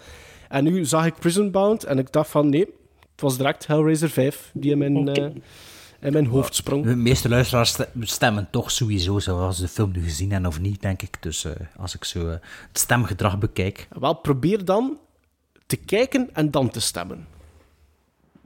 Ik eh, heb een film eh, gekozen uit de jaren 80. uit, 1985, Allee, jong. ja, uit 1985. En voor mij is het nog altijd de moeder der kerstfilms.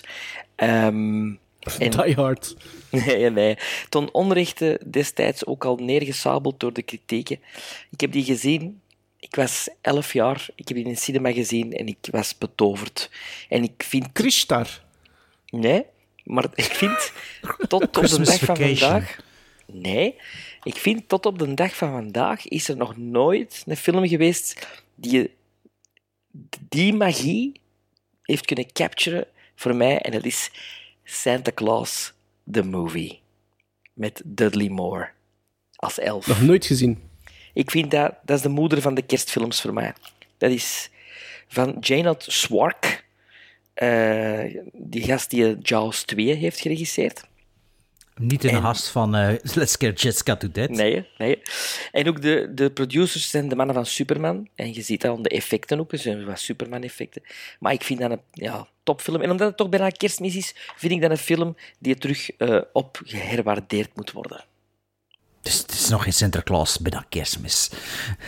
Je hebt die film ook dat- nog niet gezien, Bart? Bon, nee.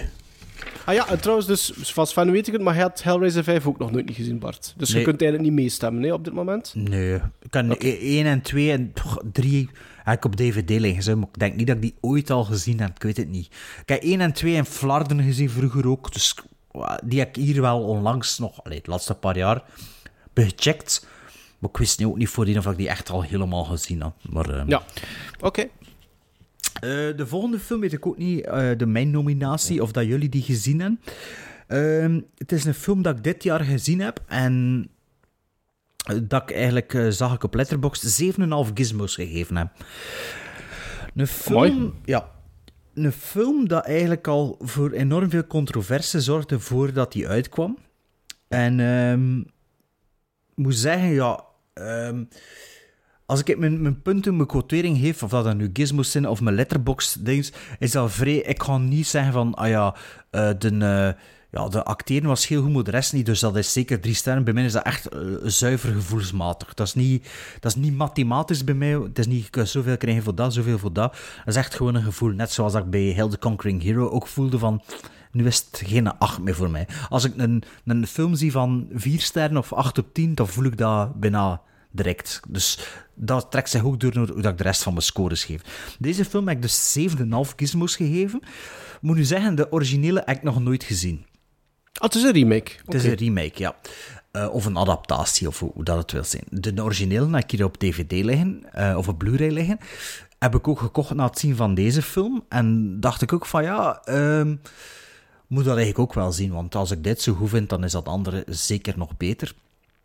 Het is een film die eigenlijk eh, baat in het eh, whitewashing-schandaal van je welste. Het is een film van Rupert Sanders, dat ook Snow White en The, Horse, The Huntsman gedaan heeft. Met de Kristen Dunst en eh, Chris Hemingword en eh, Tilda Swinton, niet- Charlize Theron.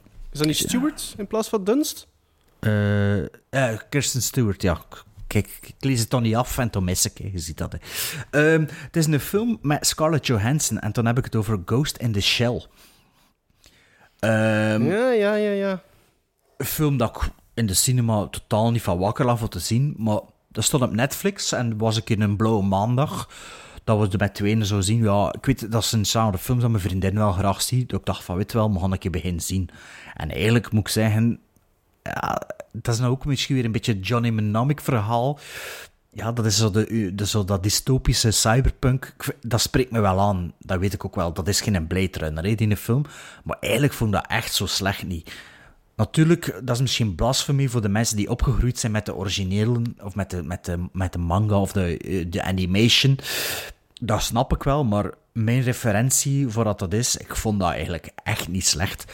Dus ik vroeg me af of er nog mensen zijn die van die opinie zijn. Ik dacht, ik zal die maar nomineren voor eh, Prison Bound. Heb je dat niet gezien, hè? Oh, jawel. Ah ja, oké. Ja, ik heb die ook op Blu-ray. Ehm, ik heb die bekeken en van mij mag die uit de gevangenis. Oké. Ehm, ik ga wel zeggen dat die niet. Het is, ik snap al wat dat bedoelt. Ik vind het niet echt blasfemie, maar ik kom niet tot aan de hielen, vind ik, van het origineel. En eh, de, de, de meest.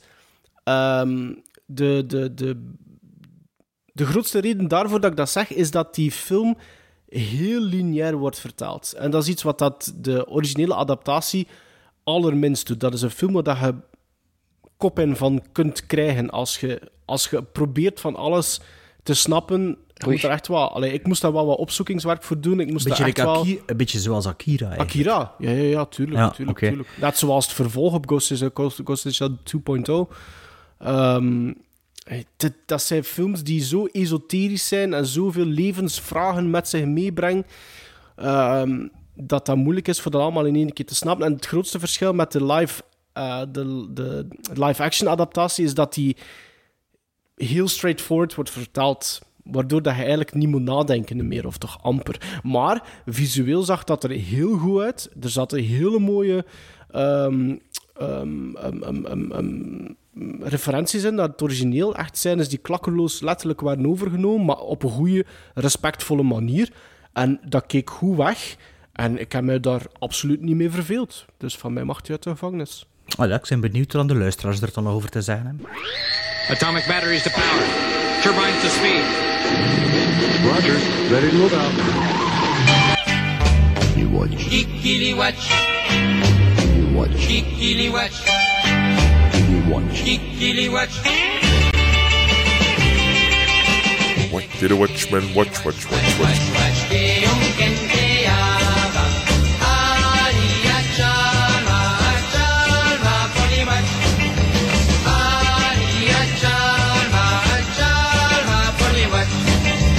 What did a watchman watch, watch, watch, watch? Bart, What did a watchman watch, watch, Bart. watch, watch? Bart, we zijn Bart kwijt, denk ik. Gremlins Strike Back. We hebben nog een klein beetje tijd. Meestal zitten we nu al tegen de twee uur en denken we, ja shit, we gaan het eh, laten voor dat is. Maar kijk, we hebben eh, bewust gekozen van we gaan het, eh, ons voorbereidend stuk wat korter houden. En voor, de, voor eh, dit segment What Did the Watchman Watch, doe gewoon onze letterbox toe op mij en zien we wat we gezien hebben onlangs. En... we spreken er een beetje over. Ik dacht, het is misschien eh, leuk om... eh, ik denk dat we alle drie deze week naar de cinema geweest zijn. Ja. Ehm, dat we misschien... Dat we misschien gewoon alle drie over de film spreken dat we gezien hebben in de cinema. Dat is dan voor de luisteraars misschien toch even super actueel. Als ze de eerste dag luisteren dat hij uitkomt. En ja, misschien worden ze daardoor nog naar de cinema getrokken. Tenzij dat Maarten zegt, ja, mijn film is al te oud. Ik wil het over iets anders hebben dat ik eh, gezien heb. Ehm, ik, ik, wil, ik wil eventjes het hebben over de film die ik... Wanneer was dat? De 12e oktober, dus dat is twee dagen geleden gezien heb. Het was de allerlaatste screening van Once Upon a Time in Hollywood in Kinepolis Gent. Oh, Eh, in ja. de Kinepolis Gent. Ehm, dus de, de, de, de laatste Quentin Tarantino, waar dat Bart het al over had heeft in, in de podcast eigenlijk. Ja, maar, ik weet niet eh, meer. Heb ik het er al over gehad? Of was het in een mislukte aflevering? En hij heeft het daar wel over gehad. Ah, ja, denk het ook, denk Ja, het ook. Ik weet het niet meer. Ehm, ja. Ik moet zeggen, eh, jongens, het is, eh, ik heb het u, jullie gezonden via WhatsApp. Het is al lang geleden dat ik met zo'n gevoel nog een keer uit de cinema ben gelopen. En ik was nog altijd aan het nagenieten op het moment dat ik thuis kwam en in mijn bed kroop. Ehm, het is zoals dat... Jawel, Bart, hebt zeker in de podcast gezegd, want ik treed u bij, want ik moest heel tijd denken aan, aan wat hij gezegd had over Brad Pitt. Brad Pitt die ziet er zo rete strak uit. Once Upon a Time in Hollywood. Ik weet nog, ik denk dat u letterlijk gewoon van gewoon waren. Als ik er zo kan uitzien op mijn vijftigste, dan teken ik er nu al voor. En ik zou dat ook doen. Ik zou Ja, ook voor wie tekenen. denk ik dan. Wie die? Ehm, maar die... die, die allee, het, ik zeg het, we hebben het er al over een, keer, een keer over gehad. hé, dat wordt nu te pas en te onpas gezegd. Niet alleen over Brad Pitt, vooraleer dat die opmerking komt weer van Bart. Maar van mij mag die genomineerd worden. En, en misschien zelfs een Oscar winnen voor zijn, voor zijn rol in, in Once Upon a Time in Hollywood. Ik vond die fenomenaal. Mensen zijn nog geen Oscar? DiCaprio... Wat? Die mensen zijn nog geen Oscar, dat is erg, hè? Ah, wel, dat zou je misschien mogen hebben nu voor Once Upon a Time in Hollywood van mij. Ehm, nu, maar er is wel concurrentie in 2019, denk ik. En sterke concurrentie ook. Ehm, maar Leonardo DiCaprio doet dat fenomenaal. Margot Robbie doet dat fenomenaal. Ehm, ik vind dat een film die duurt 2 uur 45. En ik, dat, ik vind dat perfect opgebouwd. Ik vind zowel Leonardo DiCaprio als Brad Pitt, die krijgen zoveel goede tijd om die karakters neer te zetten. Margot Robbie, dat, dat was echt heel toev toevallig gaat dat niet zijn, maar op een gegeven moment had ik... Er zijn x aantal scènes waar dat Margot Robbie te zien is, waar dat ze eigenlijk gewoon het scherm vult, dat ze niks moest zeggen en eigenlijk gewoon a pretty face is. En op het moment dat ik dacht van, ja, maar kom, je mag nu wel ook tonen dat je een, een goede actrice bent, want ik vind Margot Robbie een goede actrice. Absoluut. Eh, Dan komt er een stuk waar dat ze ehm, naar de cinema gaat, zelf. En daar begint ze effectief te acteren. En ik dacht van, dat is exact wat dat die film op dit moment moest hebben. Dus dat is, geen, dat is niet toevallig, dat is zo goed geschreven. En dat, die film blijft maar verder gaan. En, en, en ja, de, die is laatste er- 20 Heb je minuten. niet zo het gevoel, zo gelijk als mij Hateful Eight, van niemand durft tegen Tarantino zeggen van jongen, gebruik de schaar? Ik heb, ik, heb, ik, heb, ik heb geen enkel moment op mijn horloge willen kijken. Oké. Maar ik heb dat met de Hateful, Nee, Hateful Eight wel heel, heel erg zo van... Ja, maar je kunt dat niet vergelijken. Dat is totaal geen film like The Hateful Eight. Nee. Het is Nee, ook een het film... duurde- ik ken- het duurde ken dat lang, Ja, oké, maar ja, dat wil niks zeggen. Hè. Als Ik denk, dan- ik dan de denk, ik denk zelfs, ik denk zelfs als, je, als je meer weet over het personage van Leonardo DiCaprio, eh, Sven, dat dat net een film is die u misschien meer gaat aanspreken ook. Of Ja. dat je misschien makkelijker in dat universum gaat willen vertoeven, ik zal het zo zeggen. Maar ik heb de vorige keer ook gezegd, het is, het is een steengoede film voor een film zonder verhaal. Ja, ja, En klopt. ik, ik, ja, ik heb hem twee keer in de cinema gezien en eigenlijk wil ik nog een derde keer gaan. Maar, mm, ze spelen hem alleen nog maar om, om, om, tien uur s'avonds en ja, Ik sorry, vind- dat trek ik niet meer zo lang. Er, zit- er, zitten, er zitten nu al... Er zitten nu... Er zitten echt memorabele scènes in Once Upon a Time in Hollywood. Er is een scène tussen... Bart zal dat zeker beamen. Er is een scène tussen Brad Pitt en, En Bruce Lee. Dern. Ah, Bruce En- Lee, ja, ook. Ja, Ja. Dat, dat is... Dat is dat is lachen. Dat is echt... Ik, ik zat luid op te lachen in de zaal. Eh, Dat er nog was veel geweldig. volk? Was de grote zaal? Nee, dat was zaal 11 in de Kinepolis Gent. En voor de mensen die daar al geweest zijn, die weten zaal 11 en 12 zijn beneden. Dat zijn de kleinste. En dat zat voor de helft vol. Dus ik vermoed dat er daar 30, 40 man moet gezeten hebben. En ik denk dat dat effectief de na- 50% bezetting was. Dus, dat is drie maand na de release waarschijnlijk. Ja, ja. Dat is wel straf. Hij speelt nog in, in Antwerpen, speelt hem nog, hè? waarschijnlijk. Waarschijnlijk die hebben meer zaal, hè, dus eh, ik vermoed Ja. van wel. Maar het is een beetje jammer voor zo'n lange film als dat alleen maar om tien uur s'avonds speelt. Ja, ja, dat is voor studenten. Ja, maar ja, het, het, ja, om 8 uur begon die, begon die in, eh, in Gent. Ja, dan kun je inderdaad nog met een eh, smile op je gezicht in je bed kruipen, maar als je om tien uur eh, begint te zien, dan ligt halverwege de film al. Dus, allee, ik Ja, toch, dan eh, wordt het moeilijker. Dan ja, wordt het moeilijker. om toch met een smile in, eh, in je bed kruipen. Sven, Sven, jij voor Ja. de VTM ook naar een film geweest? Ik ben meerdere films eh, ga- gaan bekijken. Ehm, eh, moet ik er één eruit kiezen? Nou, doe Dan- maar, ja, zeg maar. Ja, dan ga ik het over... één. Eh, eh, Ik ga het over de meest eh, ehm, eh, lang verwachte hebben dan. eh, over Dr. Sleep. Ehm, het lang verwachte vervolg op The Shining. Is dat lang verwacht? Want ik had het gevoel dat het er plots was, eigenlijk. Nee, die een boek is Het toch was, wel het, even... het, het was een verrassing dat Stephen King voor het eerst een vervolg geschreven heeft op een van zijn eigen verhalen. Dus dat was eigenlijk al een verrassing. Dus dat daar een verfilming van zou komen, ja, dat stond natuurlijk vast. Maar het heeft wel een paar jaar geduurd na release van het boek totdat het er was. Dat klopt Ah ja, wel. oké. Ja. ja. En ik begrijp ergens waarom dat, eh, Stephen King het geschreven heeft. Want ja, ik, als verhaal is dat... eh heb jij een boek gelezen, Maarten? Ja, absoluut. Ja, ik vind er absoluut een... eh, een why not. Hè? Wa- Waarom, waarom geen vervolg, zoveel jaar later? Tuurlijk. Maar als film komt er meteen dan in een probleemzone. En dat is... Als je de film naadloos wilt laten aansluiten op het Stanley Kubrick-universum, zijn de, de sfeer, de decors, de muziek en alles eigenlijk, dan zit er met het probleem van de acteurs. Want Shelley Duval is niet meer Shelley Duval van in 80. En Scatman Crothers is dood. En Jack Nicholson acteert niet meer.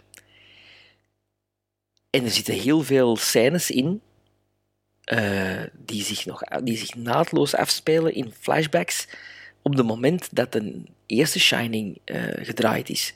Dus ik vind het raar dat, dat de regisseur de, de, de Shining-versie van Kubrick, die dan toch door Stephen King eerst niet goed werd bevonden, maar nu uiteindelijk wel goed is bevonden dan?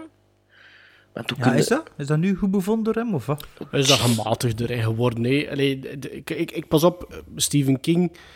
Ik ga daar niet te veel slechts over zeggen, want ik ben echt wel effectief opgegroeid met die man en ik vind dat een goede auteur. Absoluut. Maar de, maar de, de, de, de decennia waarin dat hij heel kritisch was over de verfilmingen, die zijn ook al even gepasseerd. Hè. Eh, tegenwoordig, het minste dat verschijnt van Stephen King, zegt hij zelf op zijn social media van gaat dat maar allemaal zien en ik heb het goedgekeurd en het is goed. Ja, is dat altijd waar? Nee, dat denk ik nu ook weer niet. Eh, Nee. Maar van Dr. Sleep zei hij ook weer eh, van ja, ja, had dat maar allemaal gezien, Ja. want het is een supergoeie film geworden. Nu, de eerste twee uur, ehm, ik heb dat op een gegeven moment gestuurd naar alle. hoeveel eh, uur duurt die wel, dan? Twee uur en een half. Tweeënhalf. Oh, dat is Ongeveer, echt de eerste twee uur, dus dan had ik gezegd, de volgende twee uur, maar eh, nee, dan niet. Ja, maar het is echt opgedeeld, vind ik, in, in, in, in twee uur en een half uur. Het is echt zo... Ah ja, oké. Omdat Rebecca Ferguson, eh, die de- in de laatste twee Mission Impossibles ook heeft meegespeeld, steelt de show van begin tot einde. Haar personage is fantastisch. Is een, een- chewing every scene she has. Alle bad guys in de film. Het gaat over een soort eh, eh, nomaden bad guys. Eh, een soort family, een soort Manson-achtige family. Fantastisch gecast, fantastisch gespeeld. Eh, onze Hollandse vriend eh, van de Adams Family maakt nog eens een opwachting. Eh, Lurch. Lurch? Leeft hij nog? Ja, als grootvader van, eh, van het uh, nomadengezin. Um, het is ook, uh, er zitten ook relentless, gory uh, scenes in. met kinderen. u wees gewaarschuwd. er is een, een scène in die, die ja, echt, allee, Maarten zal wel weten de welke, maar die wordt heel expliciet uh, getoond. Uh, dus dat is allemaal wauw. Allee, wauw, in de zin van gedurfd en, en de horror is echt horror. De Scatman Crothers figuur, die dus door heel de film nog uh, Danny blijft begeleiden. Sava nog. Die acteur is echt wel goed en die doet echt zijn best om Scatman Crothers te evenaren laat ons zeggen dat dat voor 90% gelukt is. De Shelley Duval, Shelley Duval personage komt er heel kort in. Maar op het moment dat, dat het Don Nicholson is, en dat is het laatste half uur van de film, dan denk ik van, nee mannen, nee, nee, doe dat niet. Doe dat niet, blijf eraf. Of waarom doden niet een Peter Cushing gelijk in Rogue One? Of gelijk in Sean Young in, in, in, in uh, 2049. Waarom doe je dat niet in this day and age? En dan het laatste half uur is het uh, voor mij tegen de sterren op. En al die, die film... Maar, maar, maar, maar, Sven, als ik mij goed kan herinneren, als ik uw letterbox zag, ja. denk ik dat je die wel 7 op 10 heeft. Absoluut. Absoluut. Omdat ik dat echt... Die, die, die, dat eerste, die eerste twee uur zijn echt goed en echt creepy en, en spannend. En, en um, Ewan McGregor is, is heel goed. Rebecca Ferguson is een feest voor te zien. Maar is dat niet ook zo'n beetje een film die verkeerd... Allee, die trailers en al, was dat ook niet een beetje te veel... Ah, jongen, het is een vervolg op The Shining, hè, jongens. Ja, en het was bijna alle, al de scènes... Ik denk dat bijna alle scènes die gebruikt worden in de film, die zich afspelen in die Overlook Hotel, zitten in de trailer. Dat is, dat dus is een half uur. Ja, voilà, snapte? Ik, ik, ik heb het boek gelezen en ik weet dat dat niet... Dat boek gaat daar niet over. Nee. Weet je, dat gaat ja, dan ja, inderdaad uiteindelijk, over... it's what get the asses in the seats, hè. Ja, ja, tuurlijk. tuurlijk. Ja, dus die trailer, ik snap dat dan wel, hè, als ze dat doen. Ja, tuurlijk. Ja. Maar, en, en het, het feit dat je naar de Overlook Hotel gaat, hè, dat, je hoopt dat heel de film, want ik had het boek niet gelezen, dus je hoopt dat. Uh, en dat ze er dan uiteindelijk naartoe gaan en dus zoiets van, yeah, yeah, echt, echt. En uh, de shots en, en je ziet de Overlook Hotel en je zoiets van, ah, coming home, echt kago. Gewoon, en, en dan wordt dat een... Oh, een slecht spook was. Een slecht spook weet je wat dat ook een beetje... Weet je wat dat mijn probleem is from the get-go eigenlijk al met Dr. Sleep? Is, ik ben niet echt een, um, een fan van dinges, van uh, de Hugh McGregor. Ah, nee, nee, van Mike Flanagan. Die heeft... Um, allee, die heeft furoren gekregen met zijn reeks op Netflix, The House ja, on Haunted Hill, zeker was dat? Vond dat is van een snoesfest vond. Ja. Nee, The Haunting of Hill House. Um, maar ik heb die leren kennen met, uh, met uh, Oculus. Ah ja, waar um, ik nog van u ooit gratis tickets gekregen heb, Maarten. In een ja. lang verleden. Juist. Dat is graag gedaan, Bart. Ja, dank u. Um, um, ik, ik, was, ik, was, ik vond Oculus het eerste, half, uh, het eerste uur vond ik goed. En dan ontspoort die film, het laatste half uur. Um, Gerald's Game, ook een Stephen King verfilming, vond ik oké. Okay, maar dat is een film dat eigenlijk bijna onverfilmbaar is. En je voelt dat ook wel een beetje. En dat, dat, hij ook, dat heeft hij ook geregisseerd? Ja, ah, ja The Haunting okay. of Hill House heb ik nog niks van gezien, dus ik wil me daar niet over afspreken, uh, uitspreken. Absentia, die voor Oculus kwam, heb ik dan ook bekeken. Had ik ook zo'n beetje een gevoel bij. Dat is allemaal niet slecht, hè. Maar dat is geen naam waarvoor dat ik wild wordt als die gaat aankondigen. Ik ben weer met een film bezig en dan weer een, verfilming van een Stephen King uh, boek. Dus ja, ik, ik, ik, Dr. Sleep al wel dat ik, ja, ik zei het, ik ben een Stephen King fan. Hè. Het is, dat, dat raakt mijn koude kleren niet echt. Maar het is een beetje hetzelfde dat ik had met uh, 2049. Um, ik had er heel veel verwachtingen door, omdat wauw, en je gaat misschien oude personages terugzien. En, Maar ik had een beetje hetzelfde gevoel van uiteindelijk na het bekijken dan, was het nodig? Was het echt nodig? Hadden we... Maar doet, doet, doet uh, 2049 dan niet met niet eerbiediger dan? Volgens Sven niet waarschijnlijk. Nee, ik vind dat niet. Ik vind dat ook niet. Nee? Dat het, het, is alles, allebei eerbiedig, maar het is, het is af het allebei zoiets van, ja, moest, moeten nu alles weten? Moet, moet, moeten, kunnen niet een beetje iets in de... Hoe moet ik het zeggen? Aan de verbeelding nog overlaten? laten. Ja. Ja, voilà. Ja. Moet alles een, een Maar ja, resolve... toch een 7 op 10, hè. dat is geen slechte score. Het is Hè. niet slecht, omdat die eerste twee uur zijn echt, echt goed. Echt goed. En voor een film die 2 uur, twee uur en een half duurt, kan het Ja. al makkelijker een lagere score krijgen. Dus als je al 2 uur een goede film kunt afleveren... is- Allee, begrijp wat ik zeg? Maar hij zat op 8,5. Ah, oké. Totdat ze naar het overlook gingen. Het ging, het ging naar een 9 gaan bijna. maar dan... Ja, oké. Oh. En hoe, wat is de algemene consensus? Zijn jij de enige die die film zo goed vindt? Of is, er, eh, of is dat een beetje over het algemeen wat er over gezegd en, en Ik geschreven denk dat ik wordt? dezelfde mening als een Tuffin heb. En, Mhm. ehm, en ja, de, onze Kenny, onze luister, vaste eh Gremlin Strike Back Kenny fan, Vermeulen? Ja, die vindt dat ook verschrikkelijk wat ze doen op het einde. Ja, dat ook probleem, dacht ik, met de eerste 10 minuten, als ik me niet vergis. Ah ja, omdat Hoe weet ja, je er- in hoe- de hoe eerste weet je 10 dat minuten... eigenlijk? Belde je er met een Kenny of wat? Nee, maar Ah ja, letterboxd, ja, letterboxd, een, week, Ah, een wekelijkse recap, hè. Nee, de eerste 10 minuten hebben dus, hebben dus ehm, eh, frame-by-frame reshoots van The Shining. Met een andere Ah ja, kijk, actrice ja. als Shelley Duval en een andere acteurke als eh, Danny. En, en, en, en, en, en Scatman Crothers, een personage. Ja. Oké. Ja, oké, maar kijk, toch een 7 op 10. Bart? Ja, ik ben gisteren... de, dus eh, openingsday was het van eh The Irishman, de lang verwachte Martin Scorsese, Robert De Niro, Al Pacino, Joe Pesci Netflix-film, dat nu toch een, ehm, een limited theatrical release gekregen heeft, ook in Europa, of toch in, zijn minst in België. Ehm, dacht, ja, we gaan er gewoon naartoe gaan de eerste dag dat we dat gezien hebben op het grote scherm. En als dat dan toch op Netflix staat, dan gaan we niet meer gaan naar de cinema. En ik was eigenlijk wel benieuwd naar die film. Ik wist er eigenlijk niks van. Ik wist dat Oh, wist er niks van. Eh, Ja, Sven, ik wist er niks van. Ik wist gewoon dat dat een maffiafilm was. Ik weet daar ook nog altijd niet veel over. Ja, maar Sven, als je nog niet weet dat dat mijn modus is... Dus, eh, ja, zo ga ik naar de cinema. Ik weet genoeg ermee en eh, dat zien we wel. Ik wist ook wel, dat is niet waar, ik wist ook wel dat het een film was van drie uur en een half. Dus eh, ik was blij dat de screening was van acht uur. Dus ehm, ja, we maakten ons klaar voor een lange avond. Hè. We zetten ons neer en eh, de film begon pas tien na, tien na acht. We weten, ja, we komen hier buiten tegen vijf voor twaalf. Ehm we zitten er wel op ingesteld. Dus eh, ja, The Irishman... Het is een hangster-epos, inderdaad. Het is eh, waar gebeurd, wat je niet kunt afleiden uit de film.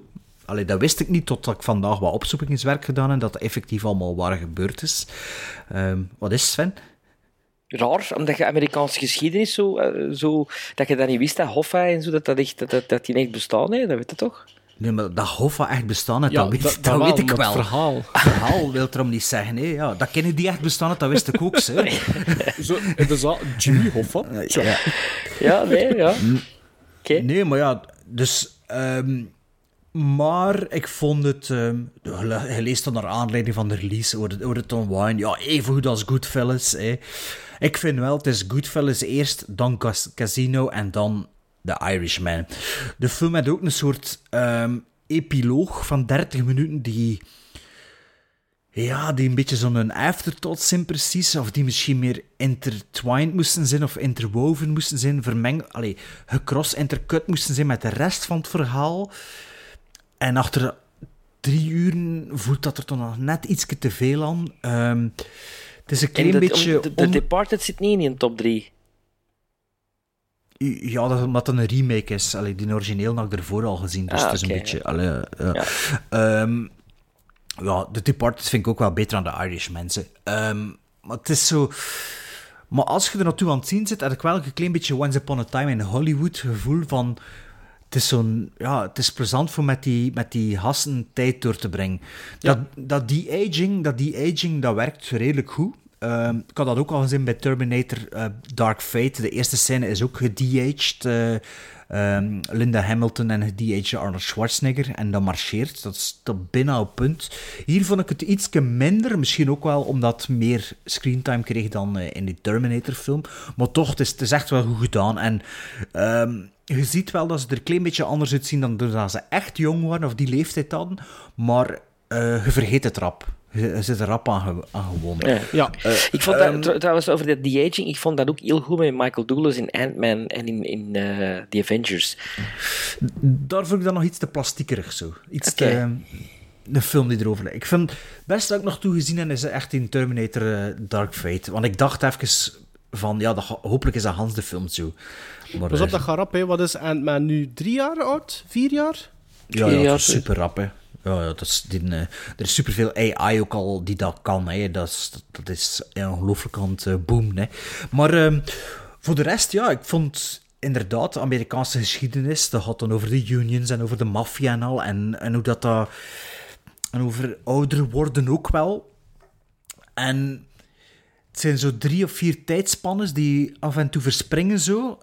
Ehm, maar wat ik met de goede Scorsese-films heb, dus niet met Silence bijvoorbeeld, maar wel met The Wolf of Wall Street, en wat ik ook heb met, eh ja, met Goodfellas, met, eh, met Casino, is dat dat af en toe dat dat begint te swingen. Zo. Dat die film plots zo'n montage-ding net, dat, er zo, dat het die die, die, die drift voelt, of die, eh, die, eh, die, vibe, of dat dat gewoon even dan die personages, dat die, hoe dat ze zich gedragen voelen op dat moment, dat dat zich letterlijk vertaalt naar de montage, ja, door, door zottigheden te doen. En hier was het allemaal vrij conservatief. Allee, conservatief ook niet echt, dit is nog altijd Scorsese, maar de soundtrack was ook heel teruggehouden en zo. En voor zo'n lange film, voor zo'n epos, vond ik het dan net niet episch genoeg voor dat dan niet te doen. En ook niet verrassend genoeg. Maar let op, ik heb hem nog altijd 7 of 7,5 gegeven, dus het is absoluut geen slechte film. Hè. Maar wat ik toen ook dacht dat ik er zat, was van, ja, misschien dat dat ook allemaal wel te maken dat dat eigenlijk gedraaid is voor Netflix. Voor iemand, een regisseur als Scorsese, is hem er waarschijnlijk heel goed van bewust van, het is een tv-film dat ik maak. En ik vond dat hij dat misschien ook wel een beetje zag en voelde aan, aan het geheel. Maar, maar, wat, maar, is, maar wat is het nu? Hè? Want Scorsese komt, hè, is, is alomtegenwoordig tegenwoordig. Alomtegenwoordig tegenwoordig, ja, is wat. Ehm, is de, is, wat denkt u dat zijn bedoeling was? Was het nu een tv, allez, een, een, een filmmaker voor Netflix omdat hij geen geld meer kreeg van de studio? Of heeft hij dat geld gebruikt voor toch wel een cinemafilm te maken? Nee, ik, denk, ik denk omdat Scorsese is echt oldschool. En dat dat iemand is die een film maakt naar zijn canvas dat hij had. En The Irishman was from the get-go een Netflix-film. Ja. Je kunt dan wel in je achterhoofd doen van oké, dat gaat misschien wel op groot scherm getoond worden voor eligible te zijn voor Oscars. Wat dat de voornaamste reden is waarschijnlijk ook. Alhoewel, de zaal zat wel bijna half vol. Dus er was wel wat volk die, eh, die dag. Ehm, maar ik denk, moderne regisseurs, die hen is al vervaagd die, die scheiding tussen tv en film al meer. En ik vond wel dat aan de beeldvoering wat, dat dat niet de grandeur had van een Scorsese, om het zo te zeggen. Oké. Ik denk dat dat iets is, ook al zie je dat op het groot scherm, dat het toch niet mag vergeten dat dat... Ja, dat is een, een regisseur, hè. En heb je, en heb het gevoel van, omdat je zegt dat je die, die, die swing miste van, van, laten we dan zeggen, zijn beter, al zijn beste werken misschien, is, is die runtime van drie uur en half dan gerechtvaardigd? Of hadden zoiets van, ah, Ehm, ja, ja, we gaan mee, gaan mee met die personages. Het enige dat ik dus zei, is zo die, die, die epiloog is zo, ja... Het, was jammer, het is jammer dat ze dat op die manier gedaan hebben, maar het is ook omdat ze anders ja, verhaalmatig al te veel verklappen hoe dat, hoe dat afloopt en hoe dat in elkaar zit. Dus ik snap het wel, maar ik vond het een beetje een saai einde, om het zo te zeggen. oké. Maar ik snap, ik snap de bedoeling wel, hè. Dan, dan niet. Maar ik persoonlijk had zoiets van, ja... oh, we zitten hier nu al drie uur, moet dat half uur er nu nog bij. Ik had dan liever eigenlijk gewoon hangster, hangster, hangster eh, stukken gekregen, om het zo te zeggen. Je ooit iemand van jullie Hoffa gezien met Jack Nicholson? Nee. Ik heb die op Blu-ray, maar ik heb hem nog nooit niet bekeken. Dus ja, eh, ik zou zeggen... Ik had misschien naar Le Mans gaan kijken in plaats van eh Le Dat Mans is goed. 66. Maar dat is in plaats goed. van, van The Irishman, want dat was gisteren Ja. de keuze een beetje. Maar, ik, eh, heb de gisteren, ik heb gisteren Le Mans eh, 66 gezien. Eigenlijk heet die film Ford versus Ferrari. Maar, maar ze vonden het nodig om in Europa een andere titel te geven. Waarom? Weet ik nog altijd niet. Maar dat is wel... Ja, ik vond dat een hele straffe film. Ehm, omdat je, omdat je, vooral als je dat Le Mans 66 noemt, dan denk je dat dat over Le Mans gaat gaan. En dat gaat dus totaal eigenlijk niet over Le Mans. Dat gaat... Het gaat over, het gaat over een Ford tegen Ferrari. Ja, ja, maar dat is het. hem. In de laatste 20 minuten zijn Le Mans. En de film duurt 2 uur en 35. Ah, ook zo lang, of wat? Ja, ja. Ja, maar ik heb die al gerateerd op het filmfestival, kon ook niet gaan. Dat vond ik toen al jammer en ja, ik kijk er wel naar uit naar die film. En zowel Matt Damon als Christian Bale staan op een zeer scherp hoogtepunt te acteren. Eh, top. Ehm, Is het oldschool Hollywood, like dat ik al van verschillende dingen gezien passeren Ja. Is het eh, Ste- Steve McQueen, is het... ehm, eh, wie Nee. dat er dan nog? nee, het is geen Steve McQueen, het is geen Paul Newman, het is... Nee.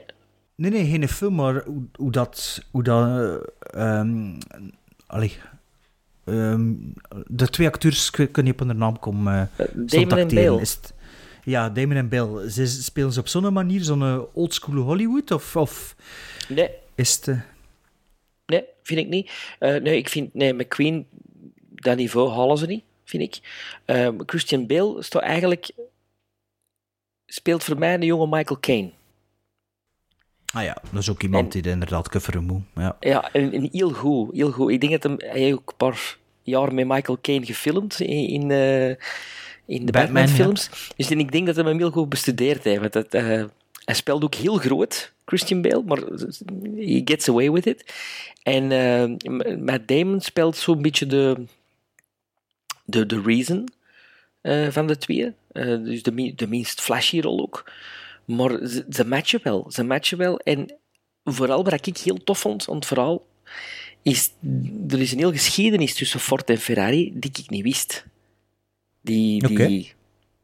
eh, En authentiek aanvoelt, dus het, is, het, is, het, is, het was ja, zo? Ik heb, ik, ja, ja, ik heb het opgezocht en het was effectief zo. Oké. Ik, eh, Maar allee, eigenlijk, ja, eigenlijk moet ik zeggen, ik zou waarschijnlijk met mijn zoon gaan kijken, want we zagen de trailer, of hij zag de trailer, ik was niet aan het zien, voordat we naar eh, Terminator Dark Fate, allee, toen dat we de heen gaan zien. Hij zei direct, ja, ik wil die film zien, het ziet er echt eh, het ziet er grappig uit, zei hij, omdat er zo wat, wat mopjes in de trailer zaten. ja, ja. Dacht ik. Maar eh, ja, ik denk ook... Ja, de je- races, de races, ik heb... Ja, ik voilà. heb- dat is ongelooflijk. Het is sinds Cars geleden dat de races... Ja, de eerste Cars, dat de races daar zijn in beeld gebracht. Dat is, dat is- en, en het is... Het is... De Daytona en zo is gelijk als Cars, maar dan in echt. Ja. En Rush. Rush was toch ook goed? Vandaag Ja, maar deze is nog straffer. Deze is nog straffer. Ja. En wie heeft de- dat geregisseerd? En Rush is Formule Howard? 1, hè. R- Rush is Formule Dat is 1, waar. dat is zo'n ander soort auto. Deze is, deze is echt... Ja. Is, eh, Rush is volgens mij geen Formule 1. Volgens mij is dat nog zo Formule 2000, 2000 of zo, is dat niet? Nee, dat Is is, niet voor- niet Niki Lauda? Is dat niet- is toch Formule 1? Ja, maar is het niet voordat ze in de Formule 1 belanden? Die, eh, ik weet het niet meer, juist. Nee, dat is, dat is Dri- eh, Driven met Stallone. Dat is Formule 2000. Nee, dat heb ik nooit gezien. Eh, Ja, dat is ook niet ja, slecht. dat is ook een maar remake, deze, is, deze zou wel eens... Misschien, misschien als er niet te veel concurrentie meer uitkomt, zou dat toch wel eens naar de Oscars een paar kunnen. Zeker cinematografie, heel straf.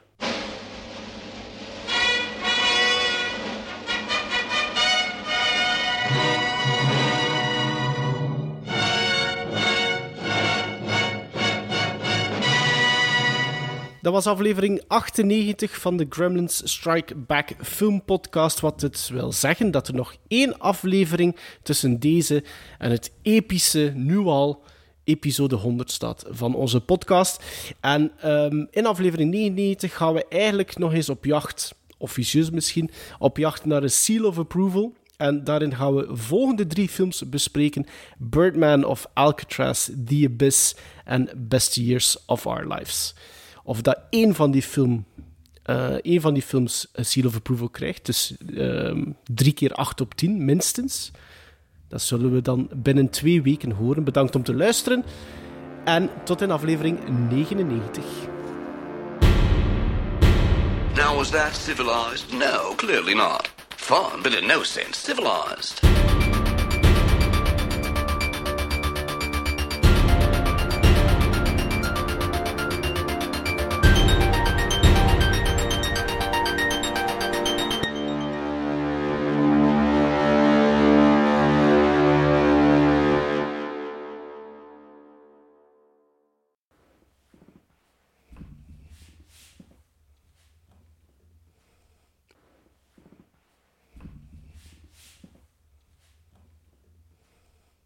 Sven. Ik? Oké, sorry.